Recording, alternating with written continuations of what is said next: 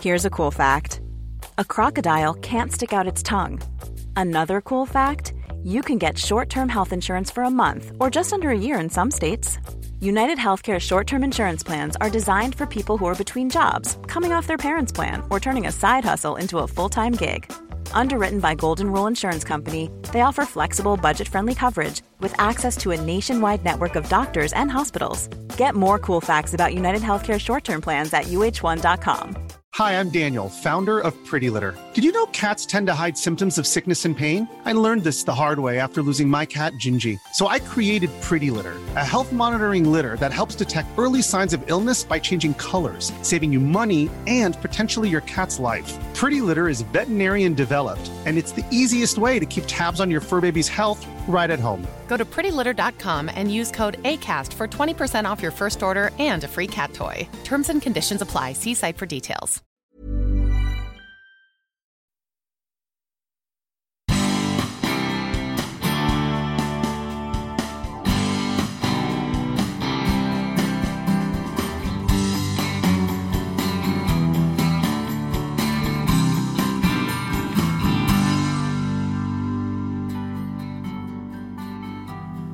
Den här podden sponsras av FunMed. Peter Martin, du är läkare och grundare av FunMed-klinikerna som jobbar med funktionsmedicin. Där får jag som patient en unik kartläggning av min biokemi och livsstil, tillgång till specialutbildad läkare och hälsocoach. Alltså, det låter ju bra, men blir inte det ruskigt dyrt? Ja, det kommer ju tyvärr dröja innan funktionsmedicin erbjuds på vanliga vårdcentraler. Men eh, dyrt? Nej, det som verkligen är dyrt det är ju att eh, inte må bra. Att riskera att vara sjukskriven och inte kunna njuta av livets alla möjligheter. Som medlem hos FunMed så hjälper dig din funktionsmedicinska läkare att förstå vad som har gått snett. Och de flesta av våra patienter tycker det är ovärderligt att äntligen inse hur allt hänger ihop. Och sen få stöd av våra hälsocoacher på sin egen läkningsresa. Saknar du någon som tar ett helhetsgrepp på din hälsa? När du tecknar FunMeds medlemskap så ser man hela dig. Tillsammans med din funktionsmedicinska läkare skapar du en plan för kost, näring och livsstil baserad på avancerade labbtester och ett holistiskt synsätt. Du får stöd av ett dedikerat vårdteam med läkare, hälsocoach och sjuksköterska. På FunMed så tror man också på kraften i att göra livsstilsförändringar tillsammans. Att göra sin hälsoresa tillsammans med en vän eller familjemedlem kan vara avgörande för att lyckas. Så nu har ni chansen att göra 2024 till året då er långsiktiga hälsa får det fokus den förtjänar. Gå in på funmed.se och köp två medlemskap så får ni halva priset på två provtagningspaket till ett värde av upp till 19 990 kronor. Erbjudandet gäller till och med 1 december 2023. Så klicka in dig på funmed.se och starta din hälsoresa. Tack FunMed! Dagens 20-åringar de har mindre sex, de är mer deprimerade, de dricker mindre alkohol och de motionerar mindre. Och då har jag sagt att det verkar kanske som att 20 är det nya 70. Har, alltså vi, vi är bättre på att tänka efter. Man har ju gjort studier på arbetsliv, till exempel där de haft vissa pass med unga arbetare och andra pass med äldre och erfarna arbetare och då är de unga mycket snabbare. Men de äldre gör färre fel och i slutändan blir de mer effektiva. Så då blir den skillnaden också större och större ju äldre vi blir. Så att åldrandet är inte rättvist, det tror jag är väldigt viktigt att komma ihåg. När vi pratar om 70 nya 50 så är 70 nya 50 inte lika mycket för alla. Åldrandet och drömmen om ett evigt liv, det är något som människor genom alla tider har diskuterat. Ingen vill ju bli gammal och skröplig, eller som Timbuktu sjunger “Alla vill till himlen, men ingen vill ju dö”. Därför är det glädjande att diskutera ålder med Ingmar Skog som forskat i ämnet i över 40 år och kommit fram till att 70 är det nya 50. Det låter ju bra, men hur funkar det egentligen? Varför blir vi gamla ens? Och hur påverkas kroppen och knoppen? Vad kan vi göra för att leva ännu längre och vara ännu friskare under tiden? Vad betyder motion, mediciner och att hålla igång hjärnan? Vad har friheten i vår uppväxt betytt? Och kommer de som är unga nu bli lika gamla som vi? Och naturligtvis slutfrågan. Kommer vi att kunna skapa evigt liv? Och varför tycker Ingmar att 400 år är lagom att leva? Det och mycket annat kommer vi diskutera i dagens avsnitt av Spännande möten.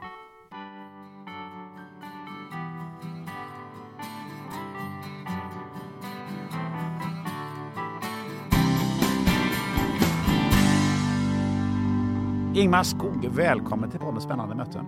Tack ska du ha. Du, jag har hört att du eh, håller till eller bor eh, i närheten där jag är uppvuxen. Är, är det, bor du i Ytterby fortfarande? Eh, jag har bott i Ytterby i 20 år, men jag flyttade därifrån för ungefär 15 år sedan. Men jag kan mycket om Ytterby. Ytterby IS inte minst, eh, där man hade barnen i fotboll och sånt. Va? Känner du igen det? Ja, absolut. Jag, nu är jag uppvuxen i Kungälv då, men mm. eh, till stor del på vägen ut eh, mot Ytterby, de här eh, små husen som ligger på vänster sida när du, när du kör till Ytterby, de så kallade Osvaldsvillorna. Jaha, de är jag inte säker på vilka det är. Men nej. Det, nej. nej, men, eh, men hur hamnade du i Ytterby?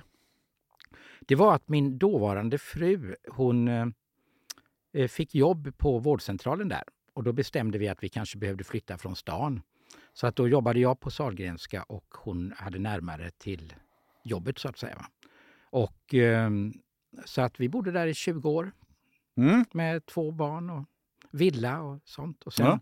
flyttade jag in till stan några år senare. Ja, efter 20 år. Då. Mm. Ja, det är så det brukar gå. Jag tänkte eh, innan vi ger oss in eh, i eh, det här samtalet som vi ska ha så tänkte jag bara vi tar en liten bakgrund till vem du är och vad, vad, hur du har hamnat i att jobba med, med den forskning som du har gjort. Eh, vad jag förstår så är du läkare i botten förstås? Ja, det är ja. jag. Ja. Vad, vad är det för specialiteter du har? Alltså så här, jag är eh, som sagt läkare och faktiskt under min tid som eh, eh, läkarstudent så var det faktiskt så att efter kirurgkursen så vikarierade jag rätt länge i Skövde på kirurgen där. Så jag var lite kursens kirurg en gång i tiden.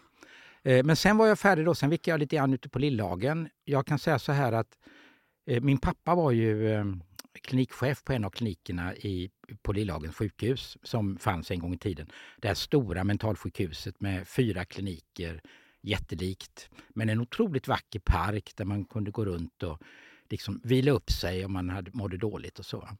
Så det var inte bara nackdelar med de här gamla mentalsjukhusen. Och där hade jag, började jag jobba då som skötare när jag var 17 år och där höll jag på av och till i ett tiotal år och jobbade så att säga på fältet som eh, mentalskötare. Eh, och även efter att jag börjat läkarutbildningen faktiskt. Och sen då när jag hade gjort de här kirurgåren där och var färdig med min läkarutbildning så tog jag vikariat ute på Lillhagen som läkare. Eh, och eh, sen då när, gick jag min AT i Allingsås.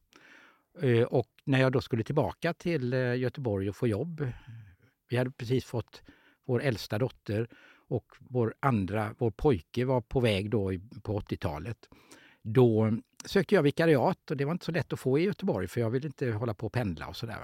Och jag sökte bland annat på psykiatriska kliniken på Sahlgrenska och där sa de det att nej, vi har inte plats, vi har fullt med folk. Det var en annan situation för psykiatrin då. Det var, nu skulle man nog inte tacka nej till någon som ville vikariera och jobba som läkare där. Men eh, så jag fick inte något vikariat och sen då så blev jag uppringd efter några veckor och sa du, det är en som hoppat av en studie som vi är med i och du skulle kunna få börja hos oss om du blir psykiatriker i H70-studierna, sa de. Och det här var alltså 1983 någonting då. Va?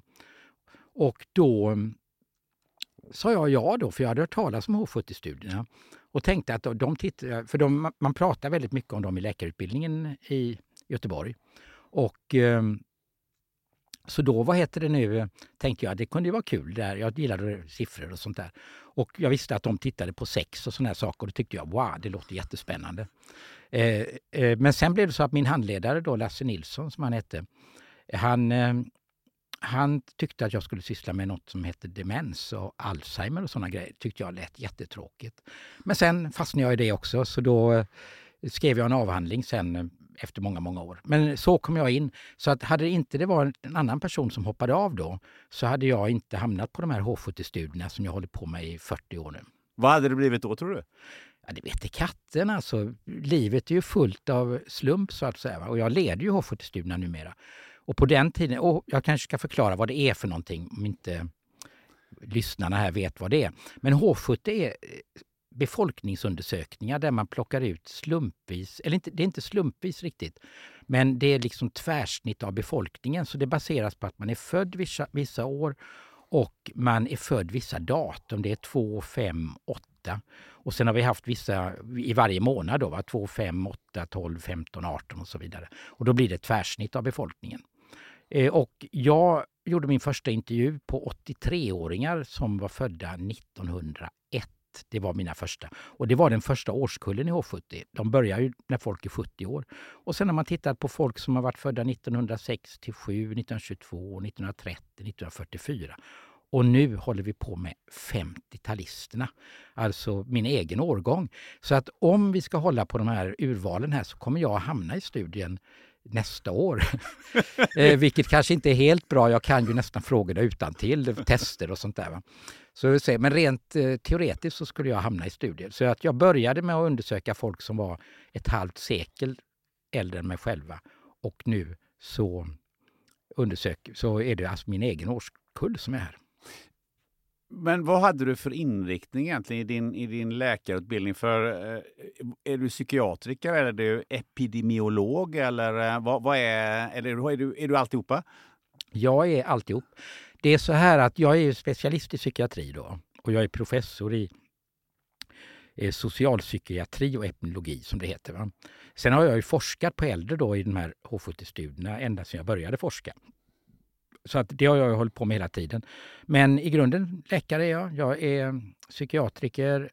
Jag forskar på epidemiologi. Jag vet inte om jag är en formell epidemiolog, men jag har skrivit över 500 artiklar i epidemiologi och jag är med, sitter med i sådana här vetenskaplig, internationella vetenskapliga tidskrifter i ledningen på några av de här ledande epidemiologiska alla, alla, ingen visste förut vad en epidemiolog var. Idag vet alla vad en epidemiolog är efter pandemin och så. Så att jag skulle nog säga ändå att jag är rätt väl utbildad i epidemiologi även om jag inte formellt är en epidemiolog. Vad, vad är det för fördel med att i de här studierna att, att ha den kompetensen? Eh, alltså du måste kunna, det, här är befolkningsundersökningar och dels tittar vi ju hur åldrandet har förändrats eh, och eh, det kommer jag faktiskt skrivit en bok om nu som kommer här Precis. i november. Och, eh, men sen eh, har vi också tittat på riskfaktorer för demens till exempel. Vi studerar depression, vi studerar äldre sexualliv och vi tittar på olika faktorer som har betydelse där. Så att min mest berömda sak internationellt det var att vi var först att hitta att högt blodtryck ökade risken för Alzheimers sjukdom. Det var det ingen som hade tänkt på den tiden. Och då när vi upptäckte det så var det en jättesensation och plötsligt blev jag inbjuden överallt i hela världen att prata om det här. Vi var också först faktiskt med fetma, alltså övervikt ökade risken för Alzheimer.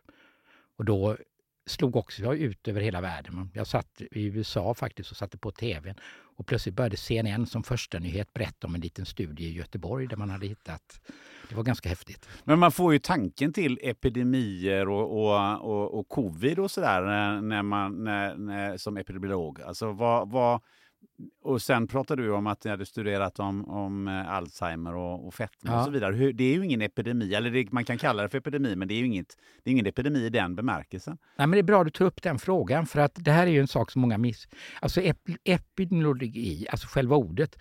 Och jag kan säga så här att jag har ju sysslat med det hela snart ett halvt sekel och aldrig haft problem att uttala det. Och sen när plötsligt alla började prata om det så blev jag så nervös att jag skulle säga fel. Så nu har jag plötsligt svårt att uttala det. Vi kom, pratade om det med hobbyepidemiologer och sånt där. Va?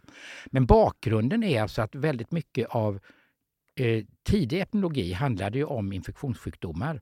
Och fram till 1900-talet så har ju egentligen så har det ju varit så att vi, det har varit väldigt vanligt med epidemier. Vi har haft eh, eh, smittkoppsepidemier som kom liksom regelbundet nästan. Vi hade koleraepidemier, vi hade spanska sjukan i början av 1900-talet och så. Det har ju varit så att under hela vår mänsklighet så har ju epidemier, alltså infektionssjukdomar som spridit sig över, över världen. Vi har ju pestepidemin som är berömd då från 1300-talet och så. Och då var det så att de först, och det var ju väldigt viktigt att man studerade var, varför får folk det här? Va? Och då var det så att på 1800, mitten av 1800-talet så var det väl John Snow, hette han, eller sånt där. Som, det var en stor koleraepidemi i, ehm, i London. Och då gjorde han så att han tittade på olika brunnar av någon anledning. Och han upptäckte det att de som fick den här koleran, det kom från en speciell brunn. Och då insåg man det att det var förorenat vatten som var. Och så kunde man då stänga av den här brunnen så kunde man få stopp på den här epidemin. Va? Och, och det är därför det heter epidemiologi. Men sen har det då när vi blivit äldre, framförallt när vi, befolkningen har blivit äldre, så har vi fått mer kroniska sjukdomar och annat. Så epidemiologi kan finnas inom alla områden. Alltså hjärt-kärlsjukdomar, psykiatriska sjukdomar, i princip alla sjukdomar. Och det man tittar på är då hur vanligt är det med olika sjukdomar och vad finns det för faktorer som så att säga påverkar det här. Va? Så att inom epidemiologin har man upptäckt sådana här saker som rökning, upptäckte man genom den här typen av studier vi har. Men även högt blodtryck upptäcktes då genom att man gjorde den här typen av studier och såg att det var kopplat till en ökad risk för för eh, hjärtinfarkt och stroke och sådana saker. Va? Så det är en av våra saker vi tittar på hur vanligt det är och vi tittar på olika riskfaktorer. Och det finns numera inom många olika områden. Mm, men det tycker jag var en eh, förklaring, för det, det funderar jag på hela tiden när jag faktiskt har läst igenom den här boken som ju, eh, som ju kommer ut här nu. Eh, vad, vad heter den boken? Den heter 70 det nya 50 heter den. Va? Och eh, den bygger ju då på de här eh, H70-studierna som jag pratade om. För att det är ju så att i och med att vi har haft de här studierna så länge och fortsatt att använda, vi har ju plockat in nya årskullar som jag sa förut. Och då har vi ju faktiskt möjlighet att se över hur skiljer sig 70-åringar som var födda i början av 1900-talet med 70-åringar som var födda i mitten av 1900-talet? För det har hänt fruktansvärt mycket under den här tiden och människor blir äldre och äldre. Så att, och det vi har sett då, det är alltså att man är väl, jag ska inte gå in i detalj nu, men man är mycket bättre intellektuellt. Vi testar ju olika sådana här saker som minne, logisk förmåga, språk och andra saker som har med vår hjärna att göra. Och då är man nästan dubbelt så bra, de som är födda på 40-talet jämfört med de som var födda i början av förra seklet. Va? Likadant när vi tittar på fysisk funktion. Så bara när vi jämför folk som är födda på 1930-talet och 40-talet så är det tre gånger så många kvinnor som kan liksom klättra upp för en liten pall på 50 centimeter. Va? Och också en ökning bland män, men där var det rätt många som kunde det innan. Och vi ser det också på många andra såna fysiska test. Så både intellektuellt och fysiskt så är en 70-åring idag mycket, mycket bättre. Det, vi har sagt det att en 70-åring idag är som en 50-åring var några generationer tillbaka. Det är ju inte så alltså att en 70-åring idag är som man själv var när man var 50. Jag är mycket piggare nu när jag är 70 när jag var 50.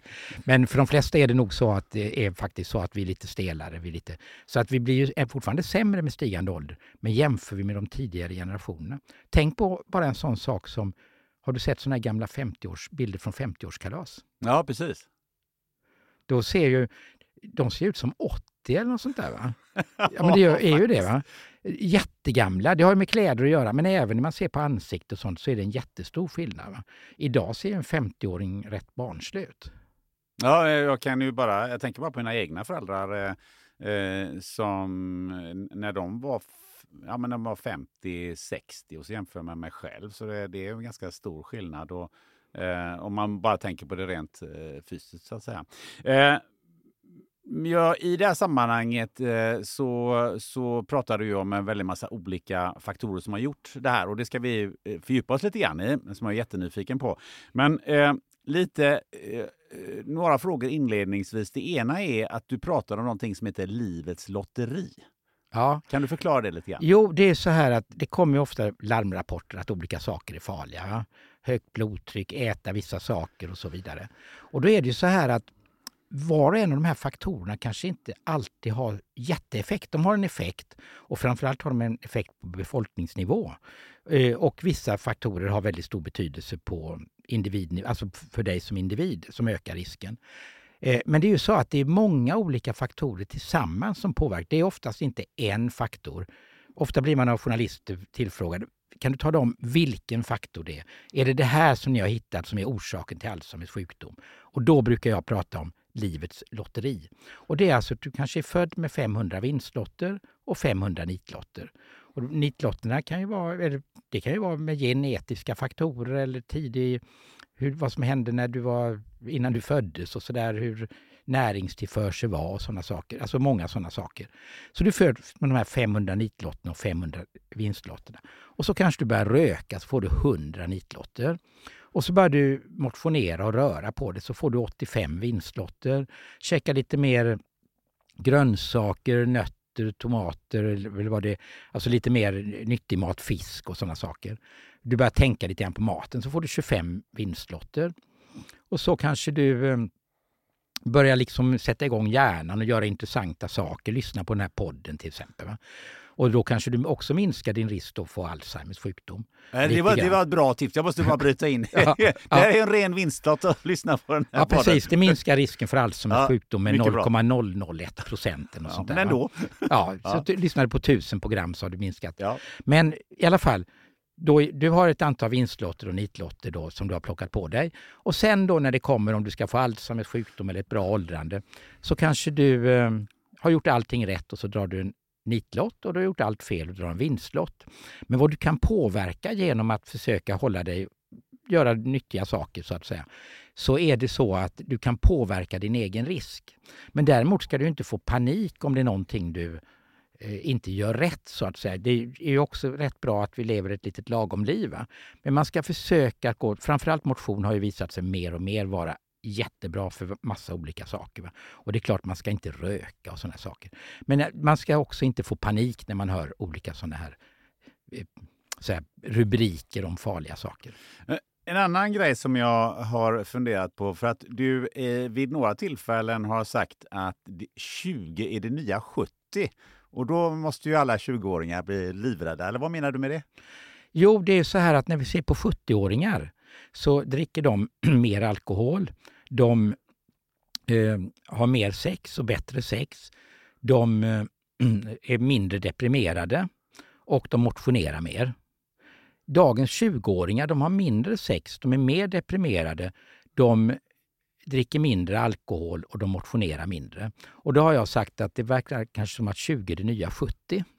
Ja, men vad, vad, kan man dra? Kan man dra några slutsatser eh, utav det eller är det bara liksom att du har gjort den här jämförelsen? Är det, är det, eller är det så här liksom att nu får 20-åringarna se upp lite grann? Här?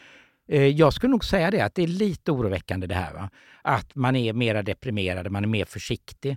Eh, och det har ju, jag tror att det har väldigt mycket med att Ja, det är många olika saker. Va? Framförallt att man inte motionerar också, är inte heller bra.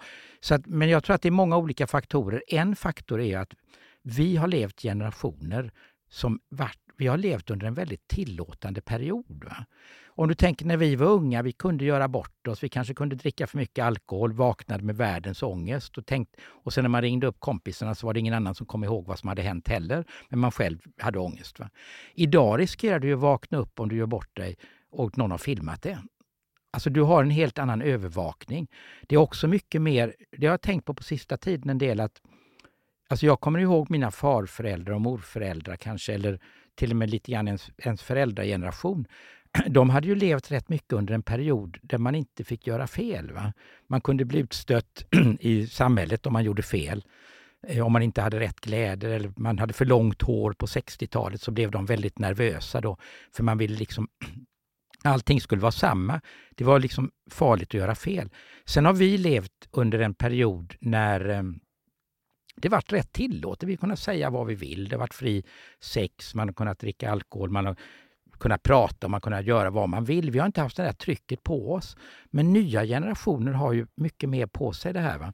Det här med cancelleringar, att säga, råkar du säga en sak fel så kan du vara helt borta. Eh, och det är ju faktiskt en skillnad. Och det som jag tycker är lite tråkigt, det är ju det att det som våra generationer gjorde oss fria ifrån det här att man hade en övervakning uppifrån. Det verkar unga generationer råka ut för igen. Va? Och det ser man historiskt, det har ju gått upp och ner sådana här saker. Va? Så vi har ju varit väldigt privilegierade under våra liv. Den här podden sponsras av Gröna Gårdar, din ekologiska köttbutik.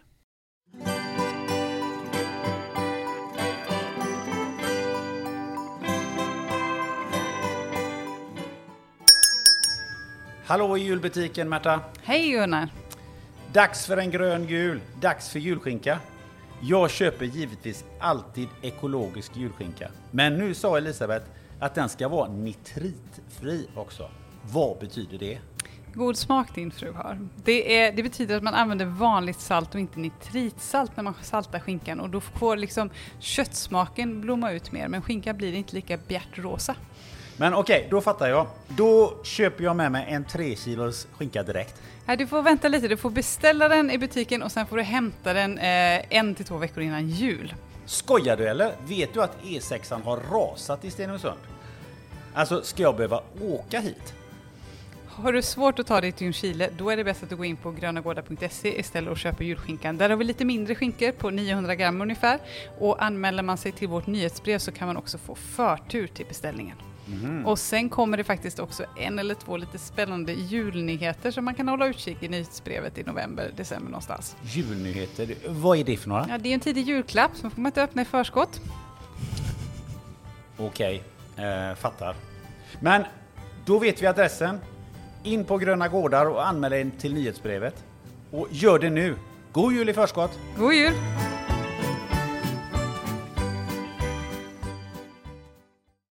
Tack Gröna Gårdar! Det där känns ju eh, superintressant och det eh, tror jag nästan vi skulle kunna ha ett, eh, ett eget avsnitt om för att eh, det är ju någonting som jag tycker någon, eh, att man borde utveckla det resonemanget eh, en hel del och sätta det i, i, i, den kontexten som du, som du säger här. Men jag tror att vi ska hålla oss till det här eh, 70 det nya 50. Eh, och då blir jag nyfiken på hur fungerar egentligen åldrandet i sig? Varför, varför blir vi som vi blir? Vad är det som händer i kroppen? Alltså en stor sak som hände under 1900-talet, det var ju att vi hade en enorm förändring i samhället, både medicinskt och även när det gällde arbetsliv, när det gällde bostäder och så. Och då innebar ju det att de som levde under den tiden och som egentligen en stor del av historien, de blev ju väldigt nedslitna. Cellerna blev nedslitna. Men det vad som händer om vi nu tar, och det påverkar ju deras celler jämfört med oss som då har fått leva lite mera lugna liv, mera fritid, mera vila och så. Eh, och det som händer i cellerna är ju dels då att det verkar, alltså det finns ju olika teorier där. En är ju då att stamcellerna, alltså våra, de här cellerna som, stamcellerna är ju utgångspunkten för när vi får muskelceller, hjärnceller, eh, hudceller och vad det än är. De är ju liksom själva grundstommen där. Och sen då finns det olika genetiska eller olika system som gör då att det blir muskelceller och så annat. Och då är ju en teori det att de här äh, stamcellerna blir färre av dem. Alltså plötsligt har vi kanske inte lika många kvar, det bildas inte lika många nya. Så det är ju en faktor som kan göra det här. En annan är ju då att när cellerna då kan ju bilda genom olika sådär, vårt DNA, våra genet, vår genetiska kod, kod, så bildar ju då cellerna eh, till exempel olika äggviteämnen och även då som sagt olika celler. Och det här, man brukar ibland prata om det här att det är lite grann som när man lagar mat efter ett recept. Och eh, om då ingredienserna är dåliga, då kanske inte receptet blir så bra. Eller om det är fel ingredienser. Och likadant om det börjar bli fel i receptet. Va? Så då är det så här att då kan det bli så här att då blir det lite fel i de här äggviteämnena som bildas eller lite fel i cellerna eftersom den här um, systemet då inte är lika bra. Och då är det, det här brukar repareras men det reparationssystemet blir också sämre. Va? Så att på det sättet blir det att vi i större utsträckning får lite fel i vår genetiska kod kan man säga. Och det är också en av teorierna bakom det här med åldrandet. En annan är att, det, du kanske har hört, man pratar ju ofta om de här telomererna. Nej, det vet jag inte vad det är. Nej, det vet du inte. Nej. Ofta pratar man om ja. det, så det dyker ofta upp. Ja. Och telomererna, det är alltså en slags skyddande hinna som ligger längst ut på kromosomerna. Och kromosomerna, där finns våra DNA hoptryckt kan man säga, lite enkelt uttryckt. Våra och då är det så att varje gång det bildas nya celler, för det gör det ju hela tiden, det bildas celler, nya celler i kroppen hela tiden, så blir den här telomererna kortare och, då är en te- och när de slutar att bli, bildas, när de slutar så att säga att de, de tar slut, då kan inte den här, det bildas nya celler just där då. Eh, så det är också en teori att om de här går för snabbt, blir för, försvinner för snabbt, då kan du åldras tidigare så att säga. Och eh, Så det är en del i det hela. Eh, en annan sak är att man tror att det finns något eh, cellernas kraftverk, alltså någonting som håller igång energin i cellerna. Och den påverkas också och blir kanske sämre när vi blir eh, äldre. Så man kan säga att det är många olika faktorer. Och då är det så att en sak som händer är också då att när de här då, att en del celler då som förut dog eller togs bort, att de lever vidare lite grann som man pratar om zombieceller som då skadar eh, vävnad och sånt och som också kanske sätter igång ett immun, vårt immunsystem. Så att man tror att det kan vara så att vi har en låggradig inflammation i kroppen på olika ställen som då påverkar, som gör att våra celler kanske åldras ännu snabbare eller att de fungerar sämre. Och eh, det, det, är till exempel teorier bakom både hjärt-kärlsjukdomar och Alzheimer att den här låggradiga inflammationen är farlig. Och då är det viktigt att tänka att det påverkas av motion, säger de. Att man kan få ner det. Så det är alltid viktigt att röra på sig. Så det är flera olika sådana här eh, i, eh, saker som händer i våra celler. Då eh, tänker jag på eh, reparation och eh, om man tar en bil eller en maskin eller byter ut delar och så vidare. Men eh, handlar det om ett slitage på det, på det sättet i kroppen? Eller är det någonting som bara är inbyggt att det ska sluta och fungera riktigt bra eh, när man blir äldre för att vi på något sätt, det finns naturens kretslopp och vi ska eh, dö för att inte vi ska leva i evighet. Vad, vad, vad, är, vad är vad här? Alltså jag tror att det är, väldigt, det är väl en kombination av detta. För att i och med då att vi kanske inte fungerar lika bra de här cellerna så är det kanske så att då har vi liksom en avmätt tid som vi kan leva länge. Va? Eh, och den tiden, alltså delning av celler och så vidare, alltså det finns liksom något slags slut på det att vi kanske våra stamceller vi har inte tillräckligt många stamceller kvar för att man ska kunna utveckla det här. Så att på något sätt kanske vi har en biologisk klocka. Men väldigt mycket är ju slitage, för vi ser ju sådana enorma skillnader mellan de här olika årskullarna. Vi kanske återkommer till det sen, men vi ser ju större skillnader mellan året när du är född och hur gammal du är. Alltså förändringen med stigande ålder verkar vara mindre än skillnaden mellan olika årskullar. Så att jag brukar ofta säga att man ska fråga vilket år man är född. Det är liksom en... Eh, det är mer viktigt än att fråga hur gamla folk är, för där är den stora skillnaden. Eh, och sen är det då återigen din fråga om den biologiska klockan. Så är det ju så att jag tror ju att vad som händer är att vi får ett friskare åldrande som går högre och högre upp i åldrarna. Och, att, och då, det är ju det tre, den tredje åldern när man fortfarande är ganska pigg och frisk, man har kvar sina vänner, man har tid då efter pensionen att göra olika saker och så. Och sen kommer då den fjärde åldern där man blir sjukare, man behöver hjälp, och, eh, man behöver hjälp med olika saker och så. Och den åldern tror jag blir kortare och kortare. Men sen då så kommer du någon gång vid 100, 110, då börjar det bli så att då är det som att man får inte längre sjukdomar utan man bara dör. Va? När jag gick i högskolan, eller i hög, vad heter, högstadiet, då fanns det 100 hundraåringar i Sverige. Idag finns det 2700. Men det finns bara ungefär två eller tre som är 110 år. Och ser vi på de äldsta människorna i världen så var det ju Jean Calment från Frankrike som blev 122 år. Det hände 1997.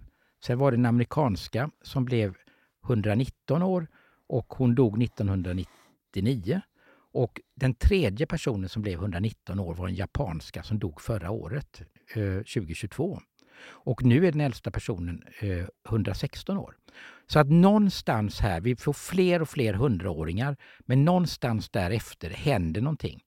De här japanerna som eh, undersökt eh, hundratals sådana här 110-plussare, de säger ju det att de träffar de här personerna, allting är som vanligt, men sen är det som att en, man stänger av en knapp, de bara liksom dör. De dör inte i allvarliga sjukdomar normalt sett, utan det bara liksom stängs av. Mm.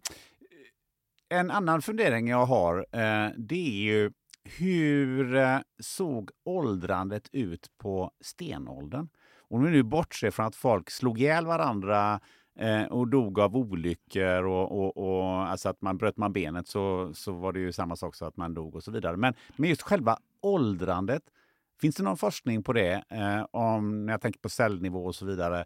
Hur såg det ut? Ja, cellerna kan vi ju inte...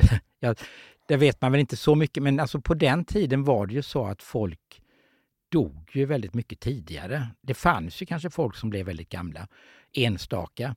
Men då var det också så här att om du tänker på stenåldern innan man hade jordbruk och sånt. Då var det ju svårt för folk som kanske var över 40, om man blev så gammal som 40 år. Folk dog ju ofta i 30, innan de fyllde 30 då. Eh, då blev det ju svårt att hänga med och då var det ju farligt för flocken så att säga om någon var äldre. Så då fick man ju bara lämna dem eller slog ihjäl dem eller något sånt. Då fick man lämna dem för att då du behövde ha den här fysiska styrkan. Va? Utan då, det fanns enstaka personer som blev väldigt gamla men det stora flertalet var att det var inget riktigt åldrande då på det sättet. Nej, för de fick ju, men de fick ju rätt bra motion och de åt ju rätt så eh, bra jämfört med vad vi äter i form av eh, socker, processad mat och så vidare. Vi kommer in på det lite senare. Så jag funderade lite på den biten fick de ju ganska väl för de åt ju det som de faktiskt var genetiskt gjorda för. Naturen hade ju liksom sett till att ja, men här finns ni och här är eran mat lika väl som elefanter eller andra djur. Ja, det, man blev ju nedsliten ändå där på något sätt. Va? Egentligen rent teoretiskt så man gick runt lite lugnt och sådär. Men det var ju ofta att man inte fick mat, man hade svält, det var farliga djur, sjukdomar, man blev skadad. Så att ofta pratar man om det här med stenålderstiden, att det var så bra, folk åt rätt mat och så. Men de dog ju väldigt tidigt och det är ju samma sak när du tittar på sådana här urfolk i Amazonas och sånt. De har ju inte heller någon särskilt lång överlevnad. De har ju en, en medellivslängd som ligger neråt eh, 40 år och sånt där som det var för oss väldigt tidigt. Kan man mäta det här åldrandet? I kroppen. Där man kan säga, på, alltså på cellnivå, kan säga att ja, men om vi plockar ut eh, blodprov eller någonting och säger så att den, den här eh, personen eh, eh är, eh, är så här gammal rent eh, biologiskt. Man kan ju göra det. Man skulle kunna tänka sig att man, kan ta, man tar ett antal prover och det, det görs ju väldigt mycket studier på, på det här. Att man tar ett antal prover i kroppen på njurfunktion eller hjärnfunktion och så vidare och så kan man räkna ut någon slags ålder jämfört med en tänkt normalålder så att säga. Men eftersom den, och det, det, är ju den biologiska åldern, det är ju liksom hur våra organ fungerar kan man säga det. Eh, och då kan man få fram det. Och då har man ju sett, det finns en berömd studie från Nya Zeeland där man tittar på 38-åringar. Och de såg ju då att den här biologiska åldern jämfört med ett tänkt normalområde låg någon gång någonstans mellan drygt 25 och 65 år nästan på, en, på 38-åringar. Så det finns ju väldigt olika hur mycket vi åldras och hur snabbt vi åldras. Men biologisk ålder säger ju mer än kronologisk ålder. Och eh, i början av pandemin så hade man ju en kort period så att man hade kronologisk ålder som det viktiga och inte biologisk ålder om folk skulle få, komma, få IVA-vård och sånt. Men där ändrade man sig ganska snabbt och gjorde någon slags helhetsbedömning, inte så mycket efter hur gammal personen var, utan vad de faktiskt hade för eh, biologisk ålder, alltså hur deras organ, deras kropp och deras själ, hur ung den var. Man pratar om de sköra 70-åringarna och, och, och, lite så att man skulle ta fler sprutor om man var över 65 och så vidare. Så det var ju väldigt mycket den här kronologiska åldern. Så är det ju fortfarande faktiskt att vi ska ta efter 65 någon extra. Och det, det tycker jag nog är, det ska man nog ändå köra på för att det är enklare så att säga. Va? Och det innebär ju inte att du, du kan ju vara 70 år och vara som en 50-åring som jag har sagt. Va? Men eh, där tror jag att det är ganska vettigt att man ändå försöker ta den extra sprutan. Den kommer jag också ta. Eh, men däremot var det så att man tog en väldig massa, man pratade om en överrisk för eh, äldre, för 70-plussare som var helt enorm. Du vet 90 procent av alla som dog i covid-19 var över 70 år. Eh, och man pratar om de här sköra 70-plussarna. Och det var ju, visar ju på en enorm okunskap. Och där kom mina epidemiologiska kunskaper in. För då kom det också statistik på hur många som hade dött på äldreboenden och på, av de som hade hemtjänst. Och då var det ju så här att det var visserligen 90 procent av alla dödsfall var hos folk som var över 70 år. Men hälften av de här Och det är ungefär alltså en och en halv miljon personer var det då. Eh, men hälften av alla dödsfall fanns bland de 88 000 personerna som var på äldreboenden. Och en fjärdedel av dödsfallen fanns på de omkring 200 000 som hade hemtjänst. Och det innebar det att man fick ju höra i tidningar ibland att det var 200 gånger ökad risk för en 70-plussare. Men om du kokar ner det och tittar efter på faktorer som faktiskt påverkar det, då var det ju kanske en fördubblad risk eller något sånt där om man var över 70 och inte var på äldreboende och inte hade hemtjänst. Eh, och det, det är mer normalt. Jag menar om du och jag skulle råka ut för en bilolycka, då är det farligare för oss än för en 20-åring. Eller om vi får olika sjukdomar så kan det liksom påverka oss mera negativt för vi har mindre reserv. Men det, så det är ganska normalt att man kanske har en fördubblad risk för olika saker. Men det är inte så farligt som, som det låter med en fördubblad risk. Så att det var, det var ett väldigt, väldigt feltänk där när man liksom gick på 70-plussare och hemtjänst och äldreboenden. Eh, men vi kanske återkommer till det. Nej, men vi kan, ja. vi kan fortsätta det Nej, men alltså, Det var ju mycket sådana här grejer. Du har det här med 70-plussare där man då liksom hade enorma fördomar vad en 70-plussare var. Och vi pratade om 70, det nya 50. Eh, och det andra var ju det här med äldreboenden där man då i princip stängde ner allting. Och jag var väldigt upprörd över det här med besöksförbuden.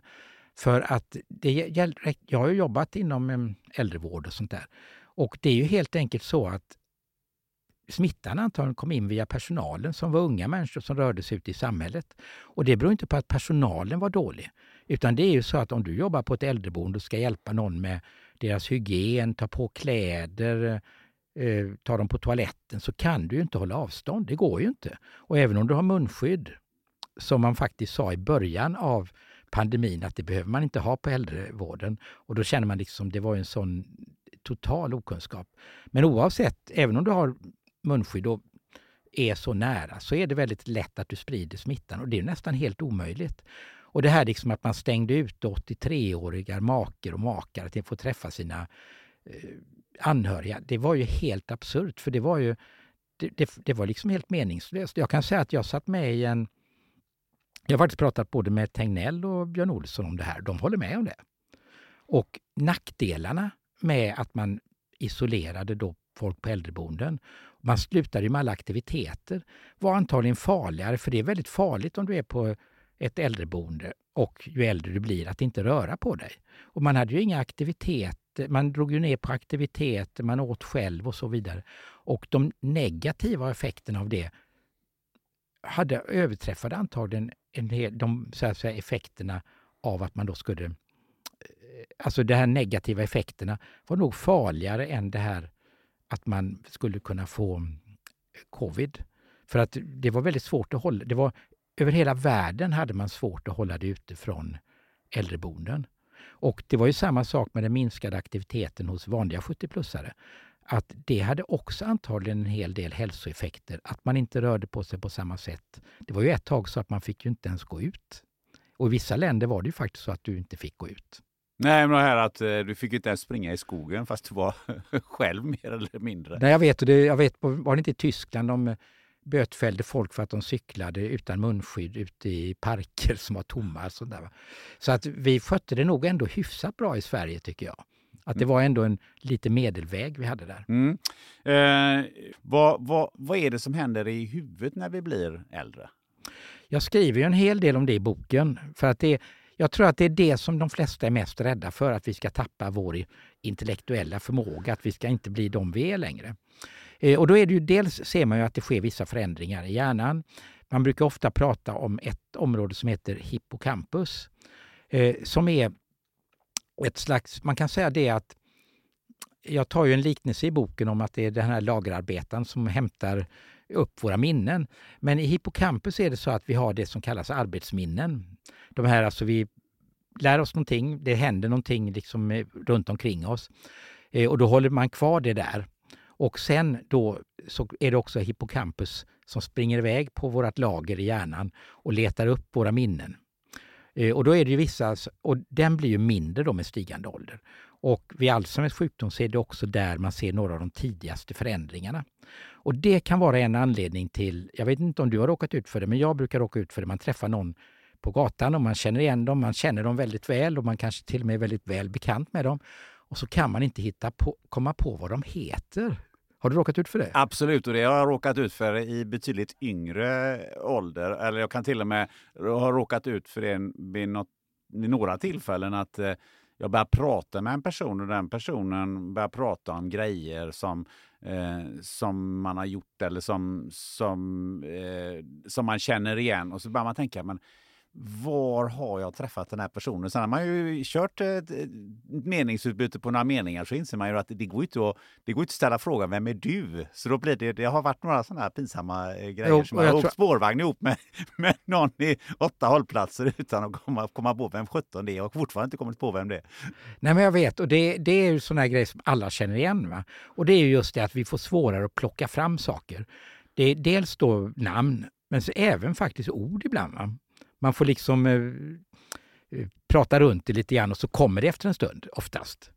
Eh, när det gäller namn på personer man möter på gatan så kommer det ofta efter att man har skilts från dem. Ja, precis. Då kommer man på vad de heter och så. Och det har lite grann med hippocampus att göra kan man säga. För hippocampus bestämmer dels vilka minnen som vi plockar ut, som vi skickar iväg till våra lager så att säga, så att de blir kvar. Men det är också därifrån vi plockar tillbaka minnen.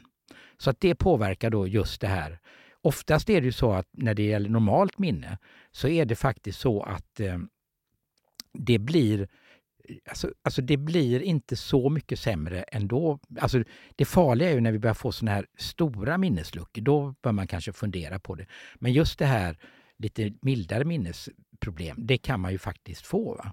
Sen är det ju faktiskt så att ibland kan det vara lättare att lära in nya saker när man har erfarenheter. För att man kan sätta det i ett perspektiv som kanske en person som lär sig någonting helt nytt inte kan göra. Så att man, man har grejer att hänga upp det på på ett annat sätt. Va? Men i stort sett så går minnesfunktionen ner och vi såg väl att den gick ner med ungefär 5-10 procent i våra studier mellan 70 och 79. Det är ju inte en jättelik grej. Och då finns det en annan sak. Dels är det så här att minne är ju egentligen bara att komma ihåg saker. Va? Och intelligens kan ju vara något annat. Det kan vara liksom det här att kunna lösa problem eller hur bra språk du har och sånt vidare. Och det går ju, om vi tänker att det som går ner mest, det är minne och hur snabba vi är. Jag återkommer till det kanske sen. Men Eh, annars är det ju så att vi går inte ner så där jättemycket i de här andra om vi inte får olika sjukdomar och så. Utan snabbhet när man testar det och minne, närminne framförallt för nya, det är det liksom som går ner mest. Men inte så där jättemycket. Och det är så här att mycket av, du har väl hört det att man får sämre minne efter 25-30 redan? Mm, det har jag hört någonstans. Ja. ja. och det bygger väldigt mycket på tidigare studier där man gjorde något som heter tvärsnittsstudier. Det vill säga att vid ett tillfälle går du ut och undersöker säg, alla människor som är mellan 20 och 95. Och då ser man ju det att oj, det går ju ner rejält här. Men om du kommer ihåg nu gäller det om du kommer ihåg det här. Men du vet, jag pratade om det här med 70, det nya 50, kommer du ihåg det? Ja, så dåligt minne har jag inte. Nej. Och då är det så här att då pratar vi om att för varje ny årskull så blir ju folk bättre i sånt här. Va? Och då innebär det att när du jämför då alla vid ett tillfälle, då är det ju så att de som är äldre, de är också födda tidigare. Så redan det här att de är födda ett visst år gör att de är sämre än de som är yngre. Och då får du en enorm ålderseffekt. Man har gjort studier på många olika håll. Dels i våra H70, men det finns även en studie Eh, Betula-studien i Umeå till exempel som de har gjort där de tittar på folk redan från liksom när de är väldigt unga. Och många andra studier. Och när man följer samma personer över tid, då börjar faktiskt sånt här med minne och eh, andra funktioner, de börjar faktiskt gå ner först vid 55-60. Och jag har sett en sån här kurva att det faktiskt att man blir bättre och bättre fram till 55-60 faktiskt i väldigt många funktioner. Och sen blir man sämre. Och tittar man på de här kurvorna så kan man se på en 75-80-åring blir då ungefär som en 30-åring. Där man ser. Så att det är faktiskt en förbättring, förutom en sak och då är det det här med snabbhet. Vi blir långsammare. I tanken så att säga? Vi blir långsammare i tanken. Det tar längre tid för oss med olika grejer. Men det kan ha... Ska jag slänga mig på det direkt också? Eller vill du Nej, kör på. fråga något? Kör. Ja, nej, men då är det så här att just det här med snabbhet tycker jag är intressant. För att dels beror det antagligen på att det som kallas den vita substansen i hjärnan. Man kan säga det som är runt våra nerver och skyddar dem kan man säga. Det påverkar också vår snabbhet att tänka och det minskar med stigande ålder. Och då är det så här att det kan ju påverka att vi blir långsammare. Men en annan teori jag har, det är också det här att ju äldre vi blir så har vi varit med om så mycket saker. Så vi har många fler alternativ. När, någon, när liksom det kommer upp ett problem så har vi många fler alternativ att tänka på än vad en 25-åring. De kan ta jättesnabba beslut, men de blir helt fel. Medan vi kanske dels har mer saker att välja på. Vi får liksom mer, det tar längre tid för oss att hitta alla de här grejerna som vi har. Det är mycket enklare för en 25-åring, för de är lite mer, de har inte så mycket i sina skallar. Och eh, då, vad heter det nu, så tar det längre tid för oss. Och sen har vi ju också lärt oss genom erfarenhet att snabba beslut kan bli väldigt fel och få väldiga konsekvenser. Och att det ofta är bra att sova på saken. Och det visar ju forskningen det att det är faktiskt bra att sova på saken för att då eh, konsolideras våra minnen och våra tankar. Och ofta kan ett problem som vi inte kan lösa på kvällen plötsligt liksom vara löst när vi vaknar på morgonen. Känner du igen det? Absolut. Ja, så att det, men om vi pratar om snabbheten så är det ju delvis det att vi att vi då, vad heter det nu, har, alltså vi, vi är bättre på att tänka efter. Man har ju gjort studier på arbetsliv till exempel där de haft vissa pass med unga arbetare och andra pass med äldre och erfarna arbetare och då är de unga mycket snabbare. Men de äldre gör färre fel och i slutändan blir de mer effektiva. Så att, ehm, och du vet, vet du förresten eh, vilka som är de bästa bilförarna? Nej, ingen aning. Nej. Eh, det, man har gjort sådana här studier på där man tittar på försäkringsdata, olycksdata och hur mycket folk kör och så vidare. Och då är faktiskt de bästa bilförarna mellan 65 och 75 år. Jag vet inte hur gammal du är? Nej, jag, är, jag har inte nått någon av de åldrarna. Du har inte gjort det? Nej, Nej, jag har gjort det, så jag tänkte att det måste stämma. Det är min ja, erfarenhet också. Självklart, självklart eh, och, är det så. Eh, ja, men sen blir man sämre då. Va? Så att en 90-åring är ungefär lika dålig som en 30-åring. Eh, 20-åriga män är ju de sämsta bilförarna i vanlig trafik. Då. Så, och det är inte som Formel 1-förare, då är säkert en 25-åring lättare, för de har liksom bara en grej att tänka på då. Eh, de har ju svårare att tänka på många saker på en gång. Eh, och, eh, men det, det som gör det hela är ju den här erfarenheten att när du har blivit äldre så har du kört bil så länge att du vet att olika saker kan hända.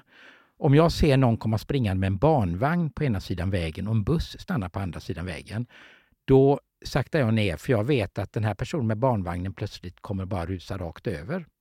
Och så att vi blir bättre med stigande ålder att undvika situationer där vi måste vara snabba. Så det är, en, så det är många sådana exempel på det här att snabbheten är inte alltid bra i alla situationer. Så i vanlig trafik så är en erfaren bilförare bättre. Det föder ju väldigt många frågor, men en eh, eh, fundering jag har eh, är just att man är yngre och man kan ju bara gå till mig själv. Att väldigt mycket var svart eller vitt. Alltså ja. det fanns väldigt grå, få grå schatteringar jämfört med där jag är idag, där jag, där jag verkligen kan säga att livet är faktiskt inte svart eller vitt, utan det, det finns ju väldigt många eh, säga, zoner däremellan. Ja. Eh, är, det, är det också en typ sån, sån sak att vi när vi blir äldre så kan vi se fler perspektiv?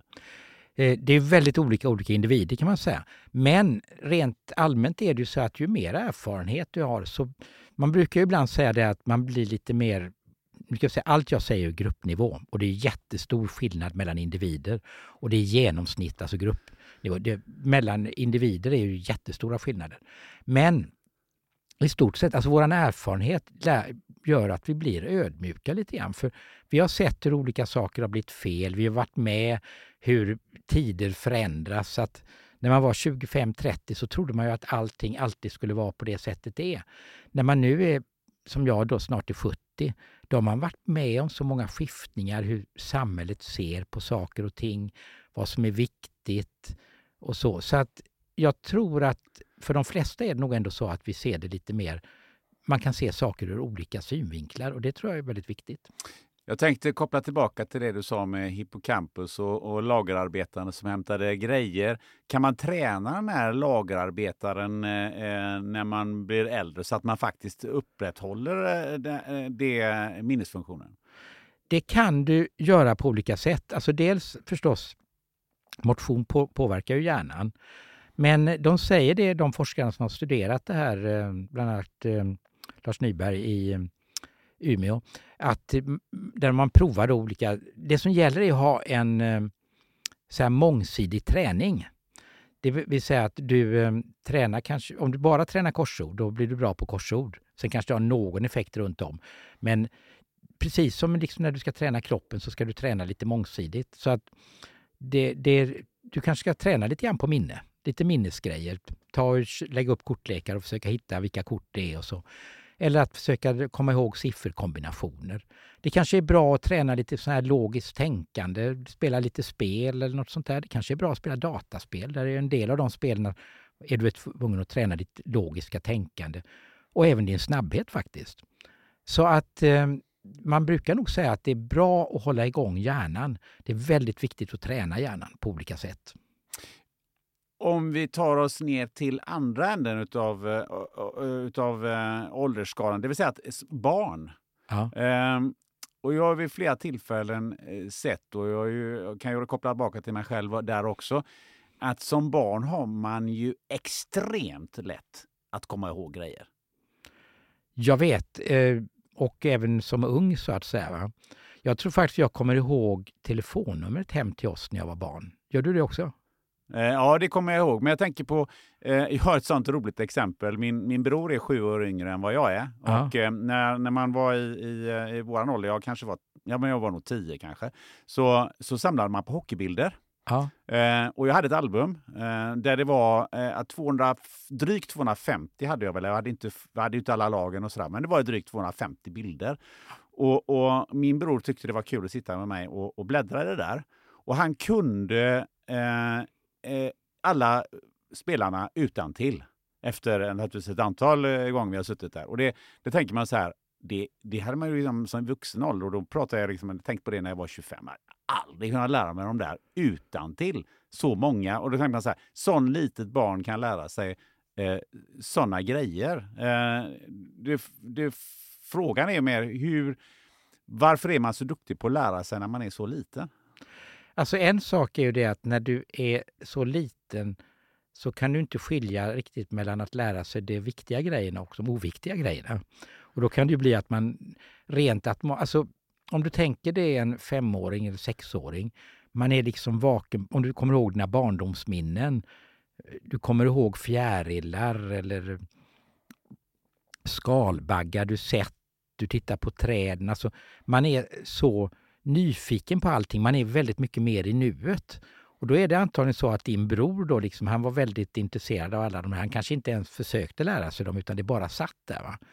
Och så är det ju egentligen för oss att vi har väldigt många minnen från när vi var små som verkligen sitter där. Jag kan komma ihåg jag skulle säkert kunna rabbla en stor del av fotbollslandslaget från när jag var 12 eller 13 eller sånt där.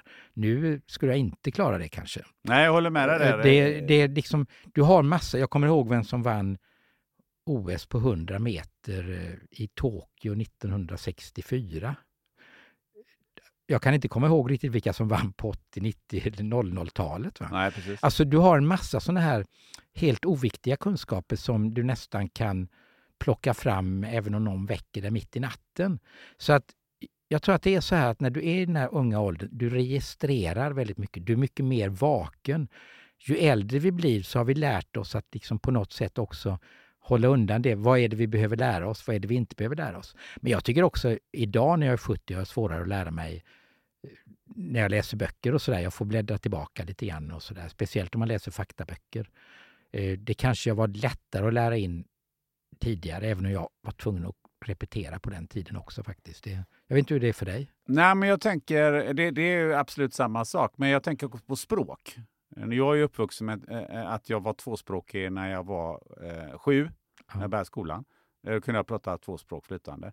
Äh, men att sen lära mig ett tredje språk, det har ju aldrig varit... Vilka språk kunde du? Jag, jag lärde mig tyska före jag lärde mig Aha. svenska. Så mina, eftersom mina föräldrar är från Tyskland eh, och, och, de kom precis då eh, strax innan jag föddes. Så de kunde ju inte prata eh, någon svenska egentligen överhuvudtaget eller ganska dålig.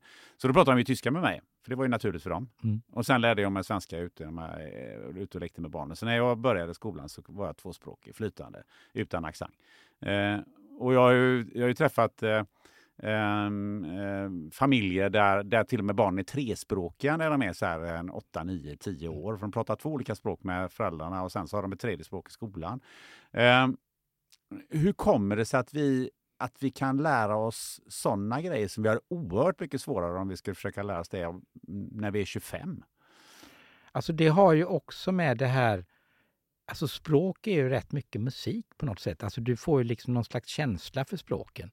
Och det är, nu är inte det här riktigt mitt område, men man vet ju det liksom att barn kan ju lära sig, precis som du pratar om, att om föräldrarna pratar, om du har två föräldrar med olika språk, så om var och en av dem pratar och hela tiden håller sig till sitt modersmål så kommer barnen att lära sig två språk. Så att det är någonting i det här som gör att vi faktiskt kan lära oss flera språk. Och det intressanta är att om vi pratar om livets lotteri så verkar det vara så att kunna flera språk också verkar kunna påverka vår risk för Alzheimer och demens när vi blir äldre. Också. Men hur kan det vara så? Eh, det vet man inte, men det är någonting att det påverkar hjärnan på något, alltså att det på något sätt stimulerar hjärnan, kanske gör att vi får en större reserv eller något liknande. och, eh, så att det är, det, men man vet från studier, det är en väldigt stor forskningsområde där, att titta om flera olika språk påverkar, påverkar när man blir äldre. Men som sagt, språkförmågan sitter nog liksom, den sitter lite grann som något automatiskt i kroppen. Sen är det ju så här att språket är ju en av de sakerna som går ner, alltså språkförmågan är ju en av de sakerna som minskar minst med stigande ålder. Det är ju till och med så att det kan öka en hel del. Om man gör till exempel det här eh, högskoleprovets eh, 20 frågor, eh, vilket jag misstänker att du gör, när de kommer på tidningarna. Det händer. det händer va? Då klarar man ju i alla fall 19 av 20 utan större problem. Och ofta 20 av 20. Medan däremot kanske 20-åringar har mycket svårare för det. En, en annan grej du har, som du har nämnt ett antal gånger, det är ju eh, motion. Ja. Um, varför påverkar motion eh, hur, hur, vi, eh, hur bra vi är på att minnas och hur, hur bra vi är på, på, på, hur snabba vi är på att tänka och så vidare. Hur påverkar fysisk aktivitet hjärnan? Eh, fysisk aktivitet påverkar ju hela kroppen kan man säga. Va? Och som jag skriver i boken så är det ju två väldigt viktiga saker vid vårt åldrande. Dels hur våra kärl funkar och dels det här med inflammation. Och bägge de här sakerna påverkas ju positivt av motion. Du vet, blodflödet och kärlens förmåga påverkar ju vartenda kärl i kroppen. Och hjärnan, får ju, hjärnan är ju så att säga prioriterad att få blod för att den, den, den måste hållas... Vi får ju mer blod till hjärnan proportionellt till storleken än vad vi får till övriga kroppen.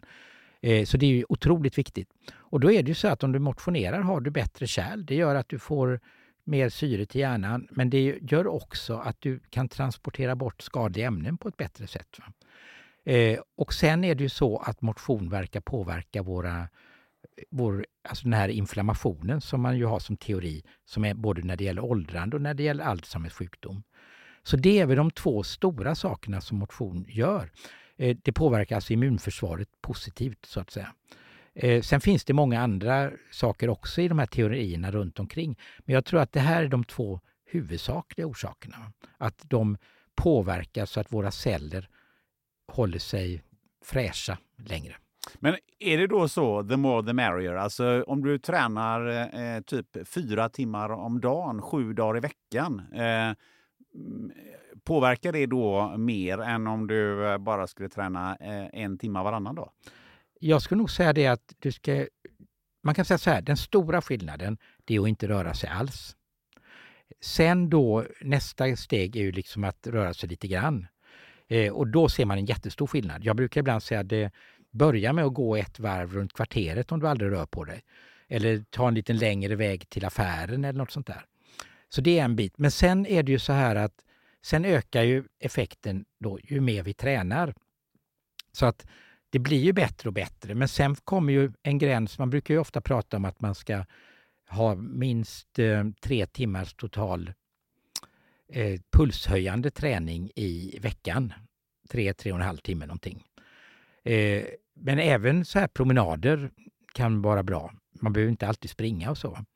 Och eh, så att eh, det är bättre liksom att göra något än att inte göra något alls, så att säga. Men det är överväldigande bevis på det här att ut och röra på sig är väldigt viktigt. Ja, men då, då kvarstår liksom frågan då om jag, om jag tränar... Just det, det var bra. Det var, jag tappade bort den ja. biten. Ja. Nej, men om jag Ja. tränar då jättemycket, kan jag då bli jättegammal och är jättesmart jättelänge? Nej, du måste ju också undvika att överträna dig. För att du behöver ju också en viss vila när musklerna ska byggas upp, när hjärnceller ska byggas upp, när andra celler ska repareras och så. Så att ofta får jag ju den här frågan, det är nästan den vanligaste frågan, att när folk hade väldigt tunga arbeten, var inte det jättebra? Men då är det så att tungt arbete, då hade de ju tungt arbete åtta timmar om dagen och kanske sex dagar i veckan. Och då blir det ju som övertränade idrottsmän, alltså det bryter ner för att då får inte kroppen tillräckligt tid att, eh, Eh, att byggas upp så att säga. Va? Och då blir det ju en nedslitning och det är ju samma för elitidrottspersoner. Så att du ska träna lagom mycket. Du måste också lägga in tid där du får vila. Va? Så fyra timmar om dagen, det tror jag är nog lite väl mycket för de flesta om du har tung träning. Men liksom lagom, köra en timme åt gången, två timmar åt gången.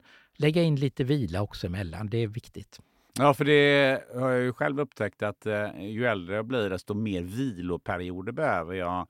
Eh, för annars blir det väldigt snabbt att man känner sig nedtränad eller att man, ja, man man får ont i musklerna eller till och med skador. Ja, och det är ju så här att det som är, nu är vi inne på musklerna, nu har jag pratat rätt mycket om motion och löpning, men en annan sak som är viktig att göra när vi blir äldre, som jag också skriver om i boken där, det är ju det här att vi bygger upp våra muskler. För att det som är, förut trodde man ju att det inte var nästan någon idé att göra det när vi blev äldre. Men det finns en massa fördelar med att göra det. Du får en större reserv kan man säga. Du, får bättre, du kan få bättre balans. Du ska ju träna balans också. Men du får bättre balans. Om du ramlar så har du mer muskler som liksom skyddar dina ben från frakturer och sådär. Eh, och du klarar, du får överhuvudtaget så klarar du det bättre så att säga. Men det som är problemet är att ju äldre vi blir så tar det längre tid att träna. Så att vi behöver liksom träna upp eh, vi behöver liksom mera tid innan vi kan komma upp, bygga upp musklerna än vad det tar för en yngre person. Och precis som det, du, du säger här, det är viktigt att lägga in viloperioder så att musklerna, de här ämnena i kroppen som bygger upp musklerna och reparerar musklerna och gör att de blir starkare för att du ska klara samma belastning sen. De, det tar ju längre tid då liksom för dem, så att du måste lägga in viloperioder också. Ja, för det, det är ju lite så här att eh, när man var 25 så eh, kunde man ju hoppa över eh, den fysiska aktiviteten ett tag i, i den mån jag gjorde det då. Eh, och så kunde man äta vad skit som helst och så kunde man eh, dricka rätt mycket alkohol. Och då ruskade man på sig så gick det några dagar och sen var man ju i form igen. Ja, precis. Och nu tar det längre tid innan man blir i form igen. Ja, det tar oerhört gör- mycket längre tid. Jag märker ju det liksom när jag nu inte har kunnat springa på en dryg vecka. Sådär. Då börjar jag känna att det kryper i kroppen och man känner sig lite vissen faktiskt. Vila sa du här. En annan viktig sak är ju sömn. Sömn är viktigt, ja. Det är ju en tredjedel av vårt liv nästan, Mm. om vi sover vettigt mycket. Mm. Är det vettigt att sova en tredjedel av sitt liv? Ja, det är det. Verkligen. För att under sömnen, och det här har blivit mer och mer att det lyfts fram. När jag gick läkarutbildningen så tror jag vi hade några timmar om sömn under fem och ett halvt års utbildning. Eh, nu vet jag inte hur mycket de har idag. Men det man har sett på forskning under senare år, det är att det händer väldigt mycket under sömnen. Och en stort genombrott inom Alzheimerforskning, det var att danska forskare upptäckte någonting som heter det glymfatiska systemet. Och det är något slags, eh, det är liksom ett system där man tvätta hjärnan kan man säga på natten. Så att när vi har framförallt djup, djupa sömnen, då rengörs hjärnan från skadliga ämnen. Till exempel sådana här ämnen vid Alzheimers sjukdomar. Så att det, det är en väldigt viktig del. En annan grej som händer när vi sover, det är ju det här att vi konsoliderar våra, ämnen, våra, våra minnen så att då hjärnan reparerar våra skadliga minnen och kanske lägger dem på plats så att vi bet, de bättre ska fungera. Och det är inte bara minnena utan man tar också hand om våra känslor som vi varit med om under dagen kanske och lägger dem liksom på olika ställen och får ordning på dem. Så det händer, alltså hjärnan är väldigt aktiv på natten. Det är inte bara att den är bedövad. Men det är även på natten att vi reparerar eh, olika andra kroppsdelar under natten. Så därför är det väldigt, väldigt viktigt att sova, att man tänker på det. Va? Att man ser till att man lägger sig i tid på kvällen och att man försöker sova. Man brukar säga att man ska sova mellan sju och nio timmar per natt. Va? Och det finns ju många saker att tänka på det. Dels är det väldigt viktigt att få regelbundna sömntider. Och det kan ju vara svårt när man är ledig. Och även när man blir pensionär kan det ju bli så att om man har lediga dagar så kanske man tar lite sovmorgnar eller man tittar sent på olika tv-serier och sånt där. Men regelbundna sömnvanor är viktigt. Och jag pratade om motion. Man ska inte motionera precis innan man går och lägger sig, för det är inte bra. Sen finns det massor med andra olika råd för folk som har svårt att sova. Men är det viktigare att sova ordentligt och mer ju äldre man blir, eller är det tvärtom? Det är ju så att man har länge trott att äldre personer behöver mindre sömn. För att många studier visar ju det att vi sover mindre ju äldre vi blir. Det verkar vara att det når någon slags kulmen vid alltså den här nedgående sömntiden någon gång vid 60-årsåldern och sen går det tydligen inte ner lika mycket, säger de som forskar på det, eh, med stigande ålder. Men vi får i allmänhet då att vi sover mindre med stigande ålder. Och det har man trott då att vi inte behöver lika mycket sömn, men det är man inte lika säker på längre. Va? Eh, utan om man har svårt att sova så är det viktigt att försöka hitta olika sätt att sova och helst undvika att ha sömnmedel någon längre tid, va? för det bedövar ju hjärnan och det är inte säkert att den jobbar lika effektivt då, va? under den tiden.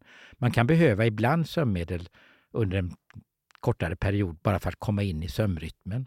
Men i övrigt är det ju det här att försöka hitta olika saker, att det är tyst där man sover, att det är något sånär svalt, inte dricka kaffe precis när man lägger sig och inte dricka alkohol egentligen heller innan man lägger sig för det kan påverka då sömnens kvalitet. Så det är många, men det finns massor med råd. Har man svårt att sova så ska man gå till sin vårdcentral och be om råd. Ja, för när jag säger så här att ja, men när jag får sova mycket eh, som jag vill utan att väckarklockan ringer så, så sover jag ju lätt eh, nio timmar. Och då säger de som är lika gamla, i, som är i min ålder, säger ju liksom alltså där skulle så länge skulle jag aldrig kunna sova. Finns inte en chans. Jag behöver inte mer än sex timmar. Eh, eh, och väldigt många pratar om hur lite sömn de behöver. Eh, men är det så att de kanske ändå då sover för lite? Ja, det kan det vara. Speciellt de här företagsledarna som skryter om att de bara sover fyra timmar per natt. Och sånt där. Det är inte säkert att det är särskilt bra för deras hjärnkapacitet. Eh, Eh, Därav kanske massa konstiga beslut som kommer. Ja, ja. Det, men eh, vad heter det nu? Det är, nej men alltså det, det, är inte bra. Man ska sova mellan sju och nio timmar. Det tror jag att de flesta säger. Va? Där, där någonstans ska man ligga. Eh, och eh, jag tycker nog att även, jag har också svårt för det här, framförallt det här att kunna sova längre på morgonen. Eh, eller att liksom, när man får sovmorgon, då får man inte sova så länge. Medan däremot när väckarklockan ska ringa, då ringer den när man är helt när man liksom skulle vilja sova ut. Jag tycker det, det är liksom någon sån här samband mellan att man in, vaknar tidigt på morgonen när man får sova länge och man vaknar sent när väckarklockan ringer. Det är så för mig. Det kan ha med det här med att vi har en sömnrytm i oss. Så att du har, många människor har en optimal tid när man lägger sig. Eh, och jag brukar, för mig är det nog någon gång mellan 10 och 11.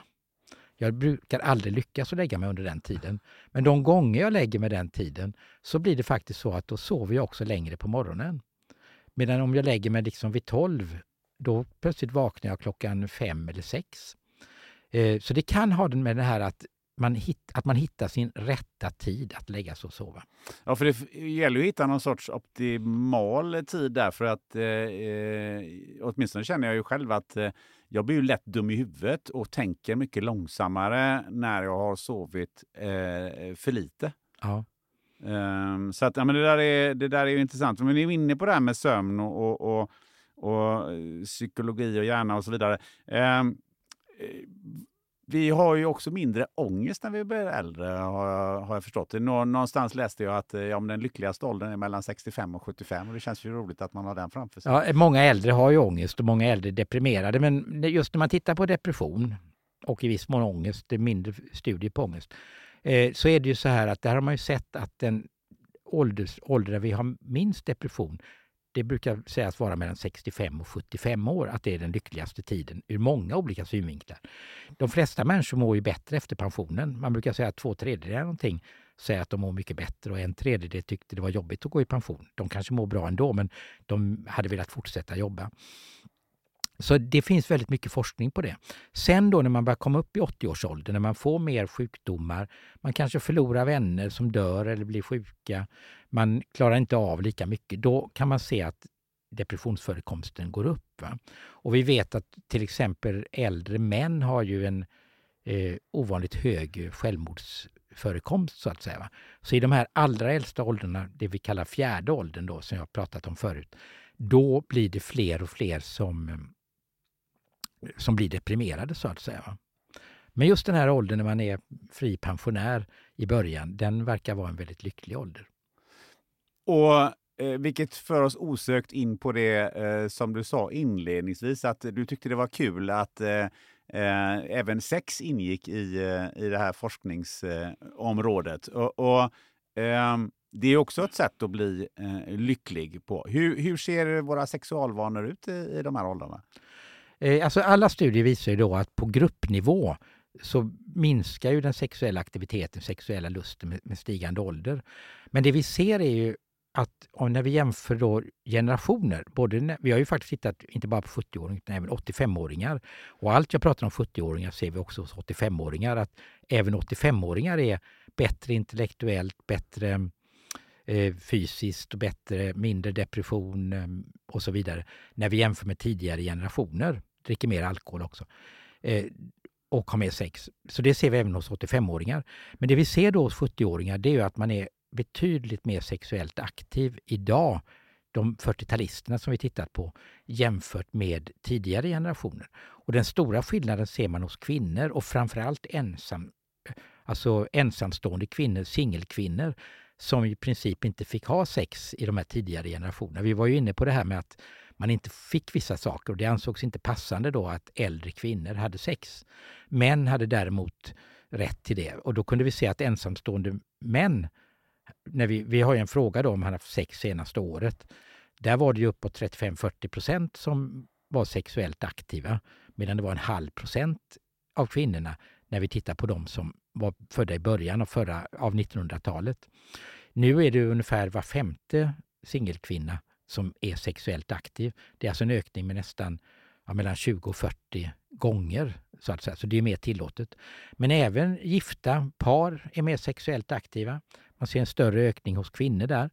Och eh, man är mer nöjd med sitt sexliv idag. Det var en väldigt stor andel av kvinnorna framförallt som inte hade fått orgasm och som inte var nöjda med sitt sexliv. Och där har vi sett en enorm ökning. Va? Så att man har bättre sex och man har mer sex. Och det beror väl delvis, dels har man bättre sex så har man kanske också större lust att fortsätta ha sex. Men det är också så här, om man har mindre sexuella problem ska jag säga. Eh, men det är också så här att just det här att man är mer vital idag, att 70 är det nya 50, så gäller ju det även kanske vårt sexliv. Att är vi mer vitala så är det lättare att träffa någon ny person och sådär. Men det har ju funnits väldigt mycket fördomar om äldres sexualliv. Jag började föreläsa om det på 1980-talet och då var det väldigt mycket så här att man tyckte det att ja, det var ju trevligt att äldre har sex och sådär men de har väl inte samlag brukar det ofta vara. Och jag var även på sådana här möten som man gjorde just för att få en, post, få en positiv bild av sex med, som ordnades av RFSU och andra. Och då var det liksom, jag pratade om att man hade samlag och så sa andra, nej men nu är 70-åringar. Lite mysigare bara och att man blir mer kramas och sådär när man blir äldre. Och så. Eh, nu tror jag att man ändå accepterar att även äldre har samlag när man har sex, så att det inte bara är liksom att man ligger och kramas. Då undrar man ju lite grann vad, vad, som är hönan, vad som är ägget här. Mår vi bättre när vi är äldre för att vi har mer sex eller har vi mer sex för att vi mår bättre? Kanske både och. Det, ibland kan saker och ting gå åt bägge håll. Men vad är det som påverkar det rent, eh, rent fysiskt då? Med sex? Ja. Eh, och att vi kan ha det när vi, när vi blir äldre. Är det för att vi är kroppsligt också i andra funktioner? Som det finns ju två grejer där. Det ena är ju det att eh, de generation, alltså, det ena är ju att vi är mer vitala. Kärlen är bättre. Eh, vi har mer eh, vi är liksom mer vältränade och då är det ju bättre, då kan man ju också känna mera sexuallust så att säga. Så den biten har en stor betydelse. Men det andra är ju då att de senaste vi undersökte är 40-talisterna. Och det var ju de som genomförde den sexuella revolutionen på 60-talet. Det var ju mängder med lagar om sex under, under 1900-talet. Det var ju till exempel kriminellt att, eh, för homosexualitet var ju kriminellt fram till 1940-talet. Och det var en sjukdom fram till 1900, omkring 1980 då när Barbro Westerberg tog bort det. Eh, och eh, det fanns många andra lagar om p-piller var ju förbjudet att informera, eller preventivmetoder var förbjudet att eh, informera om fram till slutet av 1930-talet. Alltså man fick inte informera om kondomer och andra sätt att, att liksom, skydda sig mot att få barn. Eh, och p-pillren kom på 60-talet. Och det, sen dess har det skett en väldig förändring av synen på sex. Va? Alltså det är mycket mer tillåtande. Tidigare generationer var det lite mer förbjudet. De som var födda i början av 1900-talet var ju påverkade av de här gamla viktorianska tänkesätten. Där man eh, då inte fick ha sex utanför äktenskapet, man skulle inte liksom visa affektioner eh, offentligt, inte kyssas offentligt och sådär. Och det fanns de här helt fascinerande grejerna att man skulle inte ge kycklingben till kvinnor för då kunde de bli sexuellt upphetsade. Du vet sådana här lår. Och det blir man ju alltid lite upphetsad av.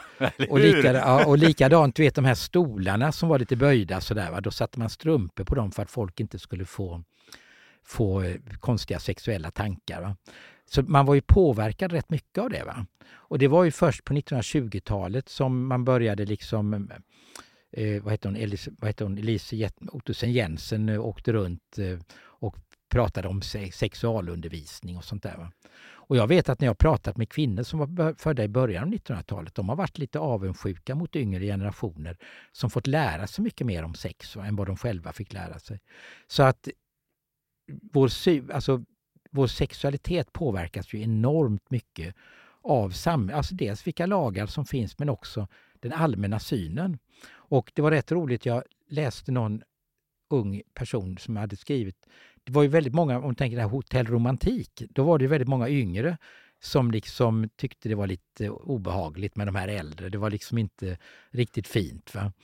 Eh, och så var det någon som hade skrivit då att eh, de här eh, 40-talisterna de var påverkade av den här sexuella revolutionen på 60-talet. Och då skulle jag vilja säga att de var inte påverkade, det var de som skapade den sexuella revolutionen på 60-talet. Eh, och eh, det är nog inte alla yngre som... Så det finns ju en del fördomar om äldres sexualitet fortfarande faktiskt. Ja, men är det väl ändå så att eh, någonstans så avtar ju ändå, liksom som allt annat, så avtar väl även sexualdriften. Eh, eh, men är det så att man kan upp upprätthålla den eller man kan säga lite det här use it or lose it-tänket eh, eh, tänket att om du har du inte sex så ofta så kommer du inte vilja ha sex så ofta eller hur, hur funkar det? Så är det ju för alla saker. Va? Att allting är ju att när vi inte använder det så riskerar vi att förlora en del av funktionerna. Eh, och det är väl i och för sig omdebatterat när det gäller sexualfunktion och så. Men eh, vi vet ju det att det är samma med hjärnan och annat. Så att man ska nog säga det att om man inte är sexuellt, att vara sexuellt aktiv ökar ju lusten i sig så att säga. Det påverkar ju det här. Eh, och sen är det ju så att när vi ser i våra studier så går det ju väldigt mycket upp och ner, sexuallusten. Om man blir nyförälskad vid 75-80 så kanske man också får igång sin sexuallust för att man då känner den här driven. Jag vet en 75-årig kvinna jag intervjuade en gång. Och vi frågade om, jag frågade om hon hade haft sex senaste året. Och sa, Nej, nu är det många år sedan, men i helg, nu i helgen så ska jag träffa en gammal ungdomsförälskelse. Och då vet det katten, sa hon. Va? Och så sa hon det att det här, när jag var ung så trodde jag inte man kunde känna så här. Eh, men det här känns lika starkt som när jag var ung. Och det är så här att du kan, alltså, du kan fortfarande bli förälskad när du blir gammal. Det kanske är så här med erfarenheten att man är lite mer skeptisk. Man faller inte lika snabbt. Man brukar säga att tonåringar kan bli djupt förälskade varje vecka, dödligt förälskade varje vecka.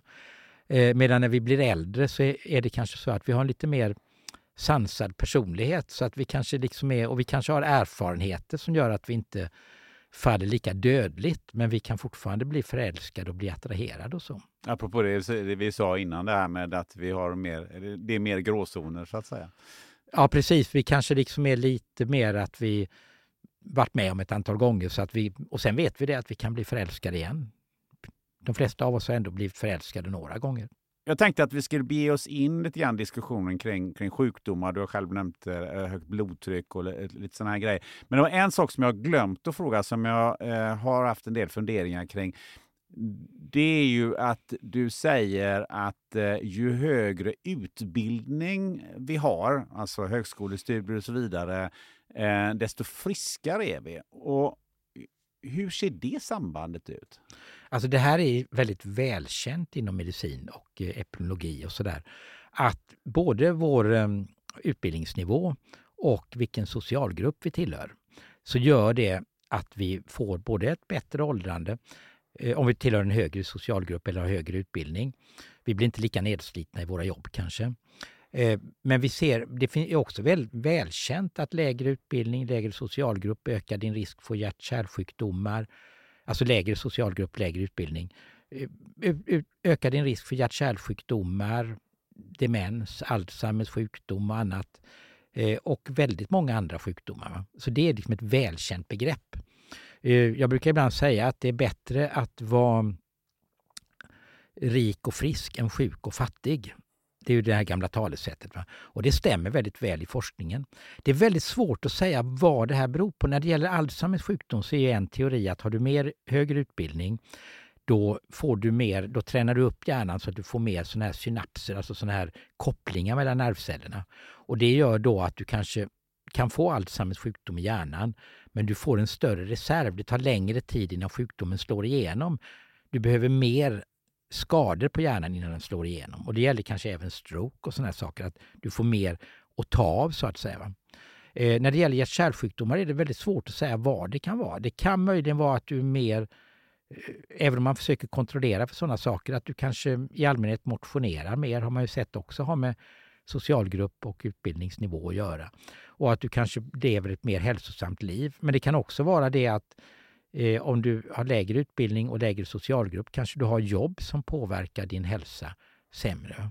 Ja, för jag tänker just de här livsvalen, alltså att, att ha förmågan att, och, och, kanske kunskaper om att det här är inte bra för mig att äta, det här ska jag äta istället. Alltså att, att vi gör bättre val ju bättre utbildning var. Kan det vara så? Eh, det kan mycket väl vara det att du vet mer om sådana saker då, eller att du har möjlighet att göra det. Eh, men det kan också vara det att du har jobb som gör att om du har eh, lägre utbildning kan du ha jobb som gör det svårare kanske att leva det där hälsosamma livet. Du kanske inte har råd med det. Det är ungefär som jag hörde någonting om, det är i och för sig en väldigt jag vet inte om du har sett det här med Rolling Stones nu. De kom ju med ett nytt album Precis. som är en av deras bästa på 30-40 år, tycker jag i alla fall. Och det är många, recensenterna är delade där ska vi säga. Eh, en del tycker att det är jättedåligt och att de är bara gamla, men några är ju, många har varit helt lyriska. Eh, men där finns ju en sån här bild, de är ju 80 år, där de kommer gående på en gata med en attityd som är liksom eh, enorma. Och du vet, vi har ju hört så mycket med Stones att de levde liksom mm, farliga liv och så vidare. Och där lär eh, Keith Richard har sagt att det beror ju på att vi hade så mycket pengar att vi har överlevt, för vi kunde köpa rent kokain. Och jämfört med andra då som köpte smutsigt kokain. Jag tror inte det är särskilt bra att använda kokain överhuvudtaget. Men de är ju egentligen exempel, de är ju ganska rika personer, så de har ju haft möjlighet kanske att de har ju när imagen har varit de the bad guys så att säga.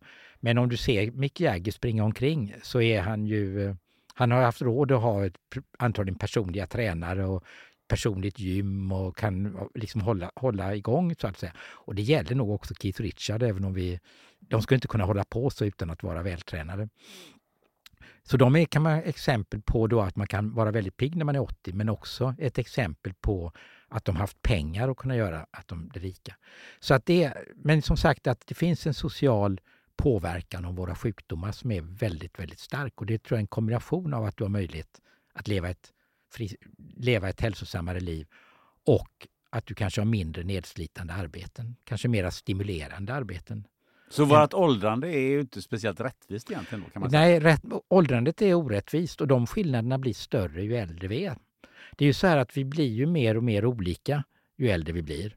Jag brukar prata om den här upp och nedvända triangeln att 20-åringar och 30-åringar de har bara den där lilla 20-30-åringen. Och så blir de inbjudna till tv och pratar om, hur, om livet. Men däremot är det ju så här 30-åring, 40-åring, 50-åring, 60 så lägger vi till mer saker och vi lägger till nya saker och det gör att vi blir mer och mer olika. Och det är förstås att även sociala orättvisor läggs ju till. Va? Så då blir den skillnaden också större och större ju äldre vi blir. Så att åldrandet är inte rättvist, det tror jag är väldigt viktigt att komma ihåg. Va? När vi pratar om att 70 nya 50 så är 70 nya 50 inte lika mycket för alla. Nej, än så länge har vi ju en eh, hyfsat eh, rättvis eh, sjukvård och om, om vi ger oss in i den så vet jag att du också har sagt att vi är friskare i våra sjukdomar. Vad menar du med det? När man tittar på statistik så kan det ju se ut som att vi har fler sjukdomar när vi blir äldre idag. Eh, och då har en del tolkat det som att vi är sjukare. Men när vi tittar på i våra studier hur många som känner sig friska, då var det två tredjedelar av 70-åringar födda i början av förra seklet, alltså 1970, som 71, eh, som kände sig friska. Idag är det nästan 90 procent, men de har mer sjukdomar. Och det beror delvis på det, dels att vi har bättre behandlingar, men också då att vi är mindre nedbrutna idag. Vi har haft min, på gruppnivå så har arbetena varit mindre tunga. Vi har haft mer ledighet än tidigare generationer. Och Det innebär det att vi inte är lika nedbrutna. De här tidigare generationerna, det var som att blåsa på löv på hösten och de bara ramlar ner. Medan idag så kanske vi tål sjukdomar bättre på gruppnivå. Vi har mer reserv både när det gäller hjärnan och kroppen. Och sen finns det ju bättre behandlingar. Idag är det många människor som går omkring med mediciner som för sjukdomar där, som de skulle ha dött av eller varit helt lemlästade av eh, för 30-40 år sedan. Och idag har man mediciner och man känner sig frisk trots att man har mediciner. Så det är en blandning av det här att vi tål mer på grund av att vi inte är lika nedbrutna och att vi har bättre behandlingar. Och Det innebär det att vi är både friskare och sjukare. Och en behandling som ju många har, det är ju högt blodtryck. Ja, det är väldigt vanligt. Varför är det så vanligt? Eh, det är ju så här att blodtrycket går ju upp med stigande ålder. Och då är det ju så här att högt blodtryck är en riskfaktor för en massa sjukdom, kärlsjukdomar i hjärnan.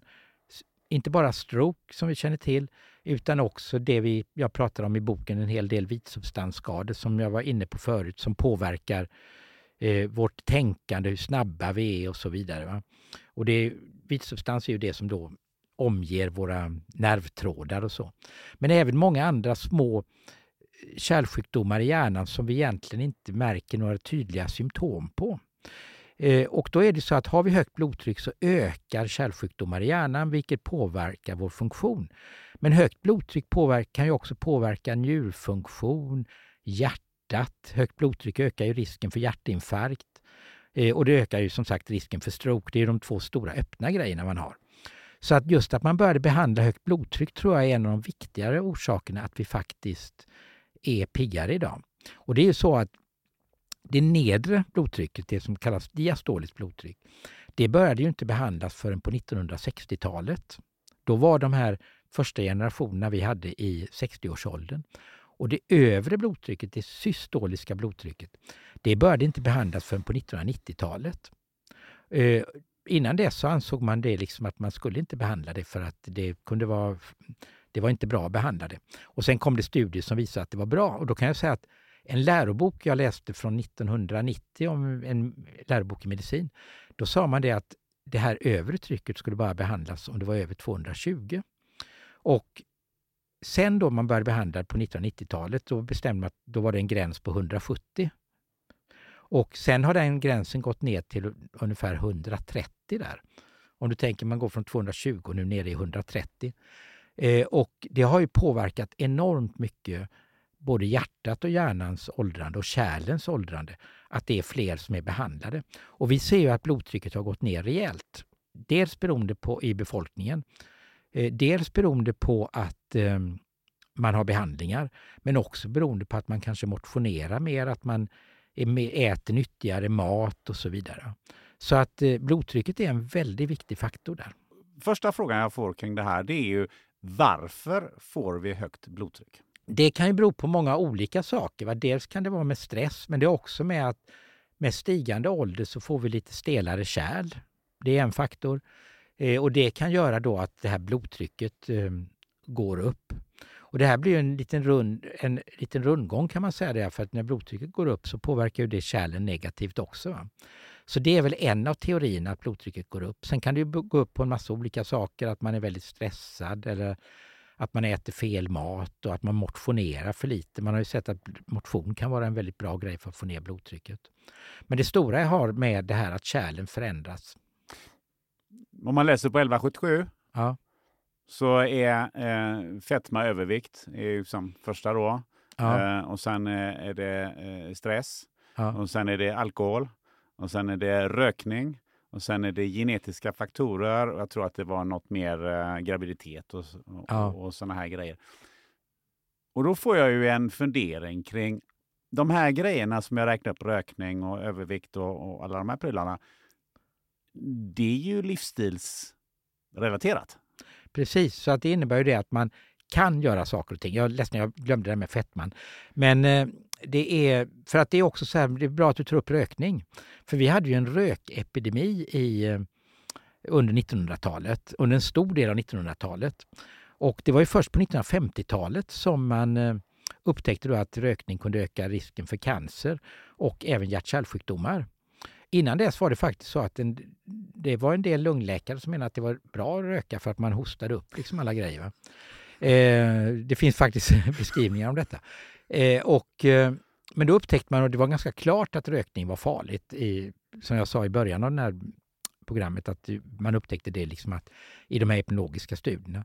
Men sen bör, dröjde det faktiskt fram, ända fram till 1990-talet, nästan två generationer, innan den här kunskapen slog igenom. Och jag tror att ofta är det så här att sånt här det dröjer ett tag innan det slår igenom. Det var ju faktiskt så att man fick läkare fick ju röka på rummet på Sahlgrenska ända in på 1990-talet. Det låter helt omöjligt idag. Mm. Och sen då från 1990-talet så kom ju en massa beslut om att vi fick inte röka på restaurang. Eh, eller på, man gick ut och restaurangerna trodde att de skulle gå i konkurs men det visade sig vara jättebra att man inte fick röka för då kom de som mådde dåligt av rökning också till restaurangerna. Och det blev förbjudet på uteserveringar och nu är det ju väldigt mycket olika förbud. Och rökning har ju gått ner något enormt de sista 20 åren. Och det är ju en grej som kanske kommer vara speciellt positivt för nästkommande generationer. Så det kan ju ha en väldigt stor betydelse. Det är många som förordar det här med, medelhavs kost och så vidare. Men lever man längre på, med, med, runt Medelhavet? Eh, delvis är det nog så att jag skulle inte säga att de har ju väldigt mycket hundraåringar i Italien. Du ser på tio topplistan där och även Frankrike har ju ganska högt där. Va? Eh, och eh, de blir ju väldigt, de, Italien är ju på väg att bli jättegamla. De är ju, eh, man räknar med att 2040 kommer nästan 40 procent av italienarna att vara över 65 år. Det beror ju delvis på att de väntar länge på att skaffa barn och sådär i Italien. Så att det, de tillhör ju de länderna som lever länge. Och, eh, eh så att det är det. Men man har ju sett det att det som kallas medelhavskost, det är ju en kombination av kost som verkar gå igen i väldigt många studier. Att det på något sätt påverkar vårt livets lotteri så att säga. Att du får några vinstlotter om du Eh, äter lite grann det som kallas medelhavskost. Och det är ju då sådana saker som sallad, nötter, fisk, eh, lite grann åt det hållet. Va? Eh, och, eh, så det verkar vara rätt bra. Jag försöker faktiskt göra det, lite mer fisk. Äta lite mer fisk, lax och sådana saker. Och äta lite mer sallad, eh, äta lite mer eh, nötter och sånt där. Va? Eh, så att det ska man tänka på. Man ska ju aldrig vara fanatisk åt någonting. Va? Man ska försöka inte äta för mycket rött kött för det verkar vara dåligt. Man kanske kan göra det någon gång i veckan eller något sånt där. Va? Så att det är nog ganska tydliga skäl att det faktiskt påverkar. Det har man sett i väldigt många studier. Sen är frågan då hur mycket det påverkar. Vi, jag tänker att vi har kommit fram till två avrundade frågor kring Ja. det här med att eh, bli äldre och sådär. Och det första är anknutet till det vi har pratat om här alldeles nyss, det vill säga att vi har över 50 procent överviktiga, vi har 1,8 miljoner med högt blodtryck, vi har 500 000 människor med diabetes i Sverige. Eh, det är livsstilssjukdomar, till det kommer att vi kanske rör på oss, eller vi kanske, vi rör på oss mindre och mindre och så vidare. Ehm, du har ju studerat över tiden här eh, och Vad tror du om framtiden? Tror du att vi kommer att kanske inte blir så gamla framöver för att vi lassar på oss de här livsstilssjukdomarna? Eller vad, vad, vad, kan, vad tror du vi kan säga om framtiden när det gäller det? Jag brukar säga så här att eh, man ska som forskare undvika att säga om framtiden. Eh, om du kommer ihåg både pandemin och Ukraina så har vi ju haft olika experter och forskare som uttalat sig om framtiden. Och det är inte alltid de har helt rätt när det gäller detta. Eh, och eh, så är det ju, så att man är ju lite farligt ute när man ska säga om framtiden. Eh, jag, tänker bara, jag måste bara säga en grej om det här när du pratar om 1,8 miljoner högt blodtryck och diabetes och så vidare. Jag tror att det som är eh, viktigt att göra det är att faktiskt gå och kolla att man inte har högt blodtryck, diabetes eller eh, höga kolesterolvärden. För att eh, det är väldigt många människor som går omkring utan att veta om det och då kan man behöva olika typer av behandling. Men åter till det här med framtiden så är det väldigt svårt att säga om. Alltså det, det är ju så här att ser vi äldre idag så är det faktiskt man motionerar mer, man äter mer hälsosam mat idag än förut. Eh, och det har väl antagligen påverkat. Eh, det är lite oroväckande när vi hör de yngre generationerna när det är så mycket grejer som går åt fel håll så att säga. Men eh, men eh, sen kommer vi ju få väldigt mycket behandlingar i framtiden. Så att i stort sett så tror jag nog att vi, de närmsta generationerna av äldre kommer antagligen att bli friskare och friskare. Säg 50-talisterna, 60-talisterna, kanske till och med 70-talisterna. Eh, och det kommer dessutom att vara så att man får mer och mer behandlingar som jag sa. Det kanske till och med kommer att bli så att vi får behandlingar mot, eh, mot åldrandet som går på det här med cellerna som vi pratade om förut, som kanske kan knuffa oss ännu högre upp. Och min stora gissning är att vi kommer att få vi kommer att bli friskare och friskare i vårt åldrande. Och det jag tror kommer att ske är att vi kommer att leva framåt till 100-105 år och vara friskare och friskare. Och, och sen så kommer det att gå ganska fort när vi har den här dåliga åldern. Så att vi kommer liksom att ha en kort fjärde ålder där vi kanske behöver hjälp från samhället på olika sätt.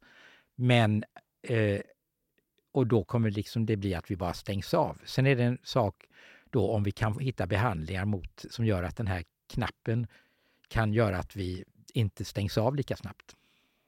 Eh, vilket då för oss in på den, eh, på den andra frågan som jag har. Eh, det är ju att skulle vi kunna skapa evigt liv om vi har obegränsade resurser? Kanske. Men det, vi kan ju då få, här kan man ju diskutera väldigt mycket. Jag ofta, jag vet jag var med i något radioprogram om det här kropp och själ och då var det både jag och den filosofen Bengt Brylde, vi var med. Vi tyckte nog idealet var 400 år ungefär. Jaha. Och, eh, jo, men då har man varit tillräckligt mycket erfarenhet och lärt sig saker och ting. Men antagligen är det så att när man närmar sig 400 år så tänker man väl att 100 år till kunde vara bra. Men eh, Eh, jag kan tänka mig att det kommer att bli så. Evigt liv heter katterna som vi klarar av. Men däremot är det nog inte helt omöjligt att man kommer att få mediciner som gör att man kan skjuta upp åldrandet en bit. Vi börjar ju få mediciner mot Alzheimer nu som i och för sig kanske inte är jätteeffektiva än och som är väldigt dyra. Eh, men vi kommer ju att bli bättre och bättre att behandla kroniska sjukdomar. Och mycket av det den behandling man pratar om när det gäller att behandla cellernas åldrande är ju samma saker som skulle kunna ha betydelse också för olika kroniska sjukdomar. Så man kanske kommer att få några som börjar bli 130-140 år. Då. Men sen tror jag att det kommer att kunna bli svårt. Å andra sidan är det ju många sjukdomar vi kan behandla idag som vi aldrig kunde drömma om. Och om du har läst min bok där så ser man ju det hur många sjukdomar som man har lärt sig att behandla bara under de senaste 60-70 åren. Man blir väldigt förvånad när man ser utvecklingen här. Ja, för det, det, är ju intressant, för du sa dyrare mediciner och vi har pratat om det här orättvisa åldrandet. Och då är vi tillbaka till de här resurserna och Rolling Stones och Mick Jagger och så vidare som du, ja. som, som du pratar om här. Eh, kan det bli så att vi får ett ännu mer orättvist åldrande framöver? Vad tror du? Det kan ju vara det för att vi ser ju att klyftorna i samhället ökar. Vi börjar få ett mer och mer... Alltså Sverige hade väl, var ju ett land som hade minst skillnad mellan de rikaste 10 procenten och de fattigaste 10 procenten. Och nu börjar vi gå åt andra hållet så att säga. Och vi vet ju det att stora skillnader i samhället påverkar ju också hälsan. Eh, även hos de som är de rikaste faktiskt. Så att eh, det är ju en oroväckande sak då. Att många av oss som är 70-årsåldern idag 60-70-årsåldern. Vi har ju levt när Sverige, under en stor del av våra liv när Sverige varit ett ganska jämlikt samhälle och där resurserna varit lite mer jämlikt fördelade. Och om vi får större skillnader i samhället så är det ju risk att vi också kommer att kunna påverka vårt åldrande. Mm. Där känner jag att eh, det är ytterligare ett avsnitt, för det är väldigt intressant att, att eh, dra det ju som åt, åt ett samhällsperspektiv, eh, eh, tycker jag. Men det får vi väl ta i, i, även det i ett, eh, ett annat eh, avsnitt, skulle jag, skulle jag tro. Och jag, ty jag tycker, tänk på det, jag har ju den här boken som jag har skrivit som kommer nu 70, nya 50. Och där försöker jag faktiskt lyfta ihop det här med cellernas åldrande och hur samhällsförändringar och historiska förändringar påverkar hur vårt liv har blivit. Det är ju lite grann att följa olika årskullar. Vi har inte varit inne på det så jättemycket, men varje ny årskull, varje ny liksom, som är född olika år, så är det en väldigt viktig grej att de har ju levt olika parallella liv som påverkat hur deras åldrande blir. Och det är ganska spännande att följa den historien. När är du född? Alltså jag är född 1954. När är du född? 59. 59, och då är vi 50-talister. Mm. Ja, precis. Ja, men jag, jag, tycker det är ett intressant inlägg för att som du säger här att eh, på 80-talet var väl eh, vi var som mest jämlika eh, här i Sverige när det gäller eh, fördelning av resurserna och, och ekonomi och så eh, och, och, att det har blivit ett mer ojämnt samhälle. Så, så någonstans skulle vi ju ha nytta av att komma tillbaka till det här eh, 80-talet där vi, där vi var mer jämlika och det skulle vara bättre för alla? Antagligen skulle det vara bättre för alla och att vi ser ju det att majoriteten av befolkningen verkar vilja gå tillbaka till det här där vi har samma skolor. Jag menar, vi gick i skolan så gick ju alla i samma skola i princip oavsett vilka inkomster folk hade. Och sjukvården var ju samma sak. Va? Volvos chef delade väntrum med jobbarna i sitt... För bästa sjukvården var ju den sjukvården vi hade. Eh, den allmänna sjukvården då. Den var ju väldigt hög kvalitet. Mm. Ja, det där är eh, superintressant. Um, inledningsvis så, så sa ju du innan vi satte på mikrofonerna, diskuterade vi lite grann det här att, att få prata eh, fritt. Och du har ju varit med i många, många tv-program och det, och det är väldigt manusstyrt. Det här har inte varit jättemanusstyrt, eh, även om jag har försökt att, att hala någon sorts röd tråd. Hur, hur känner du att det har varit? Jo, det har varit kul. Jag känner, möjligen har jag pratat för mycket. jag brukar säga samma sak jämt och ständigt, men eh, det, är, nej men det har varit kul att prata tycker jag. Mm. Och det har varit, vi har ju haft tid att prata igenom. Eller hur? Det har inte varit så bråttom. Nej, det, det, är precis vad den här podden går ut på. En annan sak som den här podden går ut på det är ju att eh, jag brukar ju fråga mina gäster om, om en önskegäst. Eh, och eh, jag tror att i ett mejl så har jag ju eh, skickat det även till dig. Nu ser du väldigt fundersam ut över detta. Eh, men du har väl säkert någon som du känner att jag borde intervjua? Just det, och det hade jag tänkt ut och så kommer jag plötsligt inte på namnet. Apropå, apropå, det, apropå det samtalet vi haft. Apropå det samtalet vi haft Ja, just det, precis. Och vem var det jag hade tänkt på nu? Det var någon... Uh, du skulle kunna tänka dig till exempel Björn Ulvaeus eller Lasse Åberg de är ju bägge hur det är att vara kreativ när man kommer upp i hög ålder. För att nu har vi haft väldigt många personer eh, som faktiskt är väldigt... Det har ju varit Rolling Stones har vi pratat om. Martin Scorsese lär ju ha kommit med sin bästa film någonsin vid 81 års ålder nu. Så att eh, hur är man kreativ när man blir äldre? Ja, men det är ett jättebra ämne och där har vi några stycken då. Vi har Björn Ulvaeus, vi har Lasse Åberg och vi har även Mick Jagger på listan då. Ja, Mick Jagger kan du fråga, eller Keith Richard då va? Ja, eller Keith Richard ja, till och med. Ja. Det är ännu bättre. Eh, slutligen, du har ju pratat om din eh, bok. Den, när den här podden eh, lanseras så har den precis eh, kommit ut. Då kanske det är fler som har fler frågor eller kanske vill ha dig att prata någonstans. Hur får man tag på dig? Eh, man får nog söka mig på universitetet och sen har jag faktiskt, jag får rätt mycket frågor om eh, föredrag och sånt där. Då har, har jag faktiskt börjat köra det via en talarbyrå så att jag har Athenas talarbyrå som man kan vända sig till. Mm. Jag, jag kunde inte hålla reda på alla förfrågningar så att det var, blev lite besvärligt. Så Det är lite att skaffa sig en manager på, på gamla dagar nästan. Ja, man kan ju också ta kontakt med bokförlaget, göra det. Och jag ska väl snart skaffa en agent. Så det är ett helt nytt liv liksom. Eh, man kan säga att vad jag, vi inte har varit inne på här så mycket, det är ju det att en sak att behålla, att hålla sig, att få, alltså hålla sig vital när man blir äldre, det är ju att prova lite nya saker. Och för min del har det ju varit att den här Studio 65, att jag är med i en studioproduktion, det är ju ett program som med Kattis Ahlström och Anders Palmgren. Och så är jag den ständiga experten. Det är faktiskt både ett radioprogram och ett tv-program. Men man hittar det på SVT Play och UR Play och UR Play och SR Play, radioprogrammet. Och det är ju en helt ny värld att gå in i. Likadant är det att skriva bok och ha ett förlag som hjälper till och sådär. Det är också en ny grej. Så att jag känner nog att det har gjort att jag har blivit väldigt vital samtidigt som jag håller fast vid min forskning. Ja. Och så är ju 70 det nya 50 och det, det, dina slutord där eh, eh visar ju eh, onekligen, eh, onekligen det och någon gång kanske 80 är det nya 40, vad vet jag. Det är inte helt omöjligt att det kan vara så i Nej. framtiden. Så att det är, men som sagt, jag, jag har provat lite nya grejer nu. Underbart! Stort tack Ingmar Skog för att eh, du ville sitta och prata med mig så här länge. Tack ska du ha själv. Det var kul att vara med. Du har lyssnat till det 176 avsnittet av podden Spännande möten med mig Gunnar Österreich. Hoppas du blir lite inspirerad. Det går att komma långt om man lever på hoppet om en bättre framtid. En som levt på hoppet i dubbel bemärkelse är Emma Gren.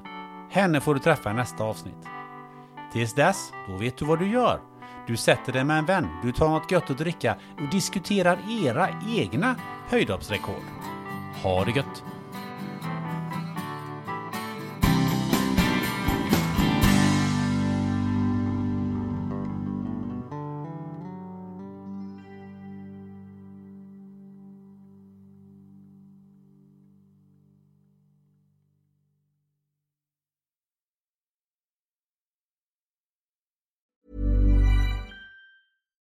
Hi, I'm Daniel, founder of Pretty Litter. Cats and cat owners deserve better than any old fashioned litter. That's why I teamed up with scientists and veterinarians to create Pretty Litter. Its innovative crystal formula has superior odor control and weighs up to 80% less than clay litter.